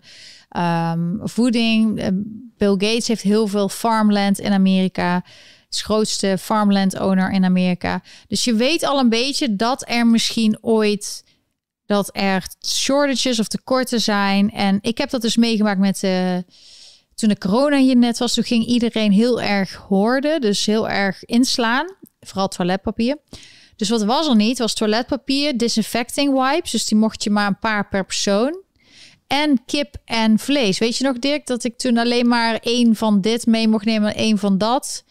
En ik mocht niet. ja, ja, je ik mocht maar twee drie- pakjes kip meenemen. ja, en ik wou er drie en dat mocht niet. Toen had ik al, dat is, echt, dat is het gevoel wat je dan krijgt. Dat is dan wat er dan gebeurt. Dat je, dan heb je eigenlijk zin om misschien, eh noem eens een gerecht. eh, Dadelijk mag je maar zoveel kip meenemen, zoveel toiletrollen. Mag je eh, maar zoveel benzine in je tank gooien. Dat komt allemaal door corona. Of omdat er ergens schip een, een stukje water blokkeert. Of om dit of om dat. En dan hebben we effectief gewoon communisme. Ja, en zoals CNN al zei, is en wat naar buiten is gekomen dankzij Project Veritas, is dat ze mensen bang maken eerst voor corona, want dat doet het heel goed. En het volgende waar ze mensen bang voor maken is climate change. En ze vertellen daar niet bij dat alle celebrities, waaronder Mark Zuckerberg en Obama, alle rijke mensen, die hebben allemaal stukken land aan de zee. Nou, je zegt Obama en waar hij woont. Ik ben dat boek van Obama aan het luisteren. Ja. Eh, maar hij zegt, eh, het probleem is dat eh, mensen niet meer weten hoe andere mensen leven. Ehm, dus dat de, bijvoorbeeld wij niet door zouden hebben hoe mensen in de arme regio's in Chicago of hier in Philadelphia of zo, Ja. hoe die leven. Of in, in Brooklyn of zo. Dat, dat we daar niet bij stilstaan. Ehm, en dat daar meer gemixt moet worden. Dan ben ik heel benieuwd hoe hij zijn verhuizing uitlegt. Want is dit dan misschien gewoon een heel groot sociaal experiment van Obama? Dat Obama nu eens aan de andere kant van het hek gaat kijken. En is dit gewoon een experiment van hoe zou dat zijn als ik me ga mengen Tussen al die tussen rijke al witte die mensen rijke witte mensen? aan de zee. Want de climate change is zo erg. dat boek is, die man is, ik weet niet waar. Hij zal misschien wel met goede bedoelingen begonnen zijn, maar eh, in, in het begin van zijn boek eh, wordt er ook gezegd van. eh, je bent veel te normaal voor deze politiek en je moet oppassen dadelijk dat je niet meegesleurd wordt in eh, de gang van zaken in, in Washington, zeg maar. Ik heb het idee dat hij, dat overspoeld is en vergiftigd is door alles wat daar gebeurd is. Ja, maar hij zei ook, weet je nog, van I don't have a magic wand to bring all those jobs back. En toen kwam Trump en toen waren er ineens heel veel meer jobs in Amerika. Nou, nou is dat natuurlijk allemaal weer verpest, dankzij Biden. Ehm, ja, het is, eh, het is wat. Ik zie wat goede comments. Dan, straks moeten we belasting betalen voor eh, ademhalen. En mag je helemaal geen vlees meer eten. Nou, dat kan best. Hè? Dat is het doel ook een beetje. Terwijl biodivers, als je biodiversiteit hoog hebt staan, dus dieren, natuur, bomen en alles met elkaar werkt samen, dan wil je, moet je juist koeien hebben en dieren. En als je die gewoon goed behandelt en die eten alleen maar gras en geen mais, wat eigenlijk voor mensen is, en een monocrop, maar gewoon gras wat groeit, dan is het veel beter voor het milieu dan dat je al die vleesvervangers eet met al die rotzooi erin, waarvan je zelf niet eens de naam kan uitspreken, die dus ergens op mijlenlang of kilometerslange velden die alleen maar soja of alleen maar lupine of alleen maar mais doen. En dan wordt dat allemaal in één keer door die grote machines weggemaaid. En in die, tijdens dat ze maaien zitten er allemaal kleine muisjes en vossen in die allemaal doodgaan. Er gaan heel Oh, veel dat is wel grappig dood. als je hier ook kijkt naar eh, de eh, voedselkwaliteitwaardering, zeg maar. Dat je in pindakaas mag zoveel procent muizenhaar zitten. In mais mag zoveel, of in eh, maismeel mag zoveel procent muizenhaar zitten. Mag zoveel procent muizenpoep zitten. Dus dat zal waarschijnlijk ermee te maken hebben dat die meegesleurd worden Ja. En dat er niet meer eruit te filteren is. Nee, dus in plaats van dat je dan, machines. dat je, dan je, je proces aanpast, pas je gewoon je normering aan. Ja, dus de mensen die hier dus eh, grass-fed beef of zo eh, promoten, vlees eten, die zeggen bijvoorbeeld ook, die mensen die vegan zijn, daar worden juist zoveel belangrijke diertjes in doodgemaakt. En dat proces met die grote machines, die die velden, echt monocrop, is gewoon echt heel slecht voor de natuur. Dat zorgt voor erosie, bodemerosie enzovoort. Dus als je echt gaat kijken naar wat is nou echt duurzaam, is het dus dat systeem waarbij alles in balans is. Gewoon op je eigen boerderijtje, je eigen spullen verbouwen, eigenlijk alles netjes opslaan. Ja. Dus, eh, maar het volgende is dat we dus het klimaat, dat wordt helemaal erg. De wereld gaat vergaat. Ook al is het zoveel jaar geleden dat Al Gore zei dat over tien jaar de wereld vergaat. Gebeurt nog steeds niet. Maar als de wereld vergaat, je zit alweer bijna twee uur te praten, dan zullen wij zomaar eens gaan wandelen. Ja, maar in ieder geval, ik kan dat een paar dingetjes zeggen. Ehm, die we hadden dus een, was een foto op, die had ik gezien van eh, het vrijheidsbeeld in New York van 100 jaar geleden en nu. En het waterniveau was gewoon precies hetzelfde. Dus ja, en ik woon hier al 20 jaar en ik heb niks zien veranderen. Dus en klimaat en al die dingen, die stormen, die Het komen. enige wat er daar gaat veranderen, is dat ze Battery Park schijnbaar hebben gebouwd op houten palen. Dus ze hebben ze een heel deel aan Manhattan Ja, dus aangezet. afval op afval en zo. afval. En, en Van ze de, zijn zo slim geweest om daar houten palen voor te gebruiken. Dus die zijn aan het eh, eroderen. En ze, ze zijn bang dat die op een gegeven moment breken en verzakken, waardoor heel dat stuk land, zeg maar, wegzakt. Dus dat, dat zal waarschijnlijk, die is waarschijnlijk eerder aan de beurt dan, eh, dan het stijgen van de zeespiegel. Dus die mensen die kunnen zich beter eerst daar zorgen om maken. En ehm, iemand anders zei ook nog iets, wil ik ook nog iets over zeggen. Oh ja, aliens. Dit had Jensen, dat vond ik, ik, hij noemt zichzelf Jens Babbe, maar dat- hij zegt wel echt dingen omdat hij zelf in de media heeft gezeten. En ik heb zelf aan de andere kant van de media gezeten van fashion en om, om een verhaal te verkopen aan mensen. Ehm, maar hij zegt, ja, dat, waarom gaan ze al die verhalen allemaal over de aliens nu allemaal naar buiten brengen? Dat is omdat volgende angst. Ze willen eerst bijvoorbeeld, ik, ik geloof dat ook wel dat ze dan kunnen zeggen, we komen nu met z'n met z'n allen worden we aangevallen, je moet binnen blijven of zo. Maar jij hebt ooit gezegd, Dirk, van... Het beste wat er zou kunnen, Kunnen gebeuren is als we... Dat was vooral omdat er toen zoveel oorlog overal was, zogenaamd. Ehm, is als je van buitenaf aangevallen wordt. Want dan moet iedereen zich verenigen en vechten tegen iets. Dan, dan is het in plaats van verdeel eh, en heers, is het verenig en overwin, zeg maar. Ja, Ehm, maar nu lijken ze dat ook weer tegen ons te willen gaan gebruiken. Terwijl als, als, die, als er iets is of iemand is of zo die hier, eh, die van heel ver hier naartoe is kunnen komen, dan lijkt het me heel sterk. Kijk, er moet natuurlijk altijd een moment zijn waarop ze zeggen, eh, nou gaan we eh, een hoop heibel schoppen. Maar het lijkt me heel sterk dat het dan toevallig nou eh, gaat gebeuren. Ja, en ik geloof best dat er van alles is en over de aarde en al die dingen. Allemaal dingen kun je. Ik weet denk dat we heel veel dingen niet weten of dat ze die dingen niet eerlijk vertellen. En ik weet ook dat er best wel goede politici zijn en mensen die het goed met voor hebben. Maar sommige mensen macht corrumpeert, zeggen ze. Dus als je eenmaal die macht hebt, dan willen ze dat houden of zo. Of ze willen niet hun, hun eh, ze willen zichzelf versterken. Dus dan moeten ze de tegenstanders verzwakken. Ja, ik snap het allemaal wel. Maar in ieder geval, wij zijn er gewoon nog voor. En ze willen graag ook mensen tegen elkaar op hebben zetten. Dus heel tijd eh, verdeel en heers, ruzie met elkaar. In Nederland de wap- Luister, ik kan altijd heel makkelijk Oh, eh, contact maken met mensen. Dus, eh, ik, dus dat zal met hun ook wel lukken. Ik maak me daar niet zo'n zorgen over. Ja, dus hier zie je ook dat er eigenlijk helemaal geen water... Het is, het is dezelfde hoogte, toch? Ja. Het lijkt ongeveer. ongeveer dezelfde hoogte. Ja. Ja. En, ehm, maar ze willen gewoon mensen elkaar opzetten. Nederland is de wappies tegen de niet-wappies. En we gaan dat mensen gaan zeiken over mondmaskers, wel of niet. Iedereen moet je gewoon even respecteren. Dat is, ik blijf het zeggen, het is het kleinere ding. Je moet het grote picture zien. Je moet niet met elkaar gaan bekvechten over dat soort details. Je moet naar, proberen dat je inziet dat, dat, dat de spelletjes worden gespeeld. Als de overheid, als die mensen in charge zelf niet allemaal zo serieus dat virus zo serieus nemen, waarom dwingen ze dan wel dat jij dat zo serieus moet nemen? Ze houden je gewoon voor de gek. En ehm, in Amerika is het zo dat ze mensen proberen te cancelen, maar er is dus een tegenbeweging van. Dus dat als iemand iets verkeerd zegt wat ze niet leuk vinden, dan willen ze allemaal cancelen. En het bedrijf wil niet meer mee werken en zo. Dus daar is de cancel cancel movement. Daar heb ik ook mijn trui natuurlijk van. En eh, ik vind het heel leuk de mensen die die trui hebben. En ik draag het ook met pride. De tv, we cancelen de cancel culture, de mainstream media, al die mensen die allemaal alles, iedereen tegen elkaar opzetten. Dat moet gewoon stoppen. We gaan voor positiviteit, toekomst. Het zal niet helemaal leuk worden in de toekomst. Ehm, en wij kunnen dat veranderen. Dus wij moeten gewoon door blijven gaan met waar we mee doorgaan. De, welke eh, battle, of zeg je dat, slag je ook mee bezig bent, ga gewoon door. Iedereen is belangrijk in dit. En gewoon rustig blijven. En je hersenen gebruiken. Denk gewoon zelf na, denk goed na. Gezond verstand, dat is het belangrijkste. Ehm, ik zie nog meer goede tips. Dankjewel voor iedereen in de live chat, voor iedereen die het gezien. Ik zie hier nog even een foto van mijn zusje met de trui. Dit is de special edition met de achterop culture en de voorop zwart-wit trui. Ik heb de gekleurd. Deze hebben allemaal leuke kleurtjes. Ook t-shirts. Allemaal leuke kleurtjes. Oranje, rood, groen. Allemaal leuke dingen. Daar kun je mij mee steunen. Wij gaan gewoon door.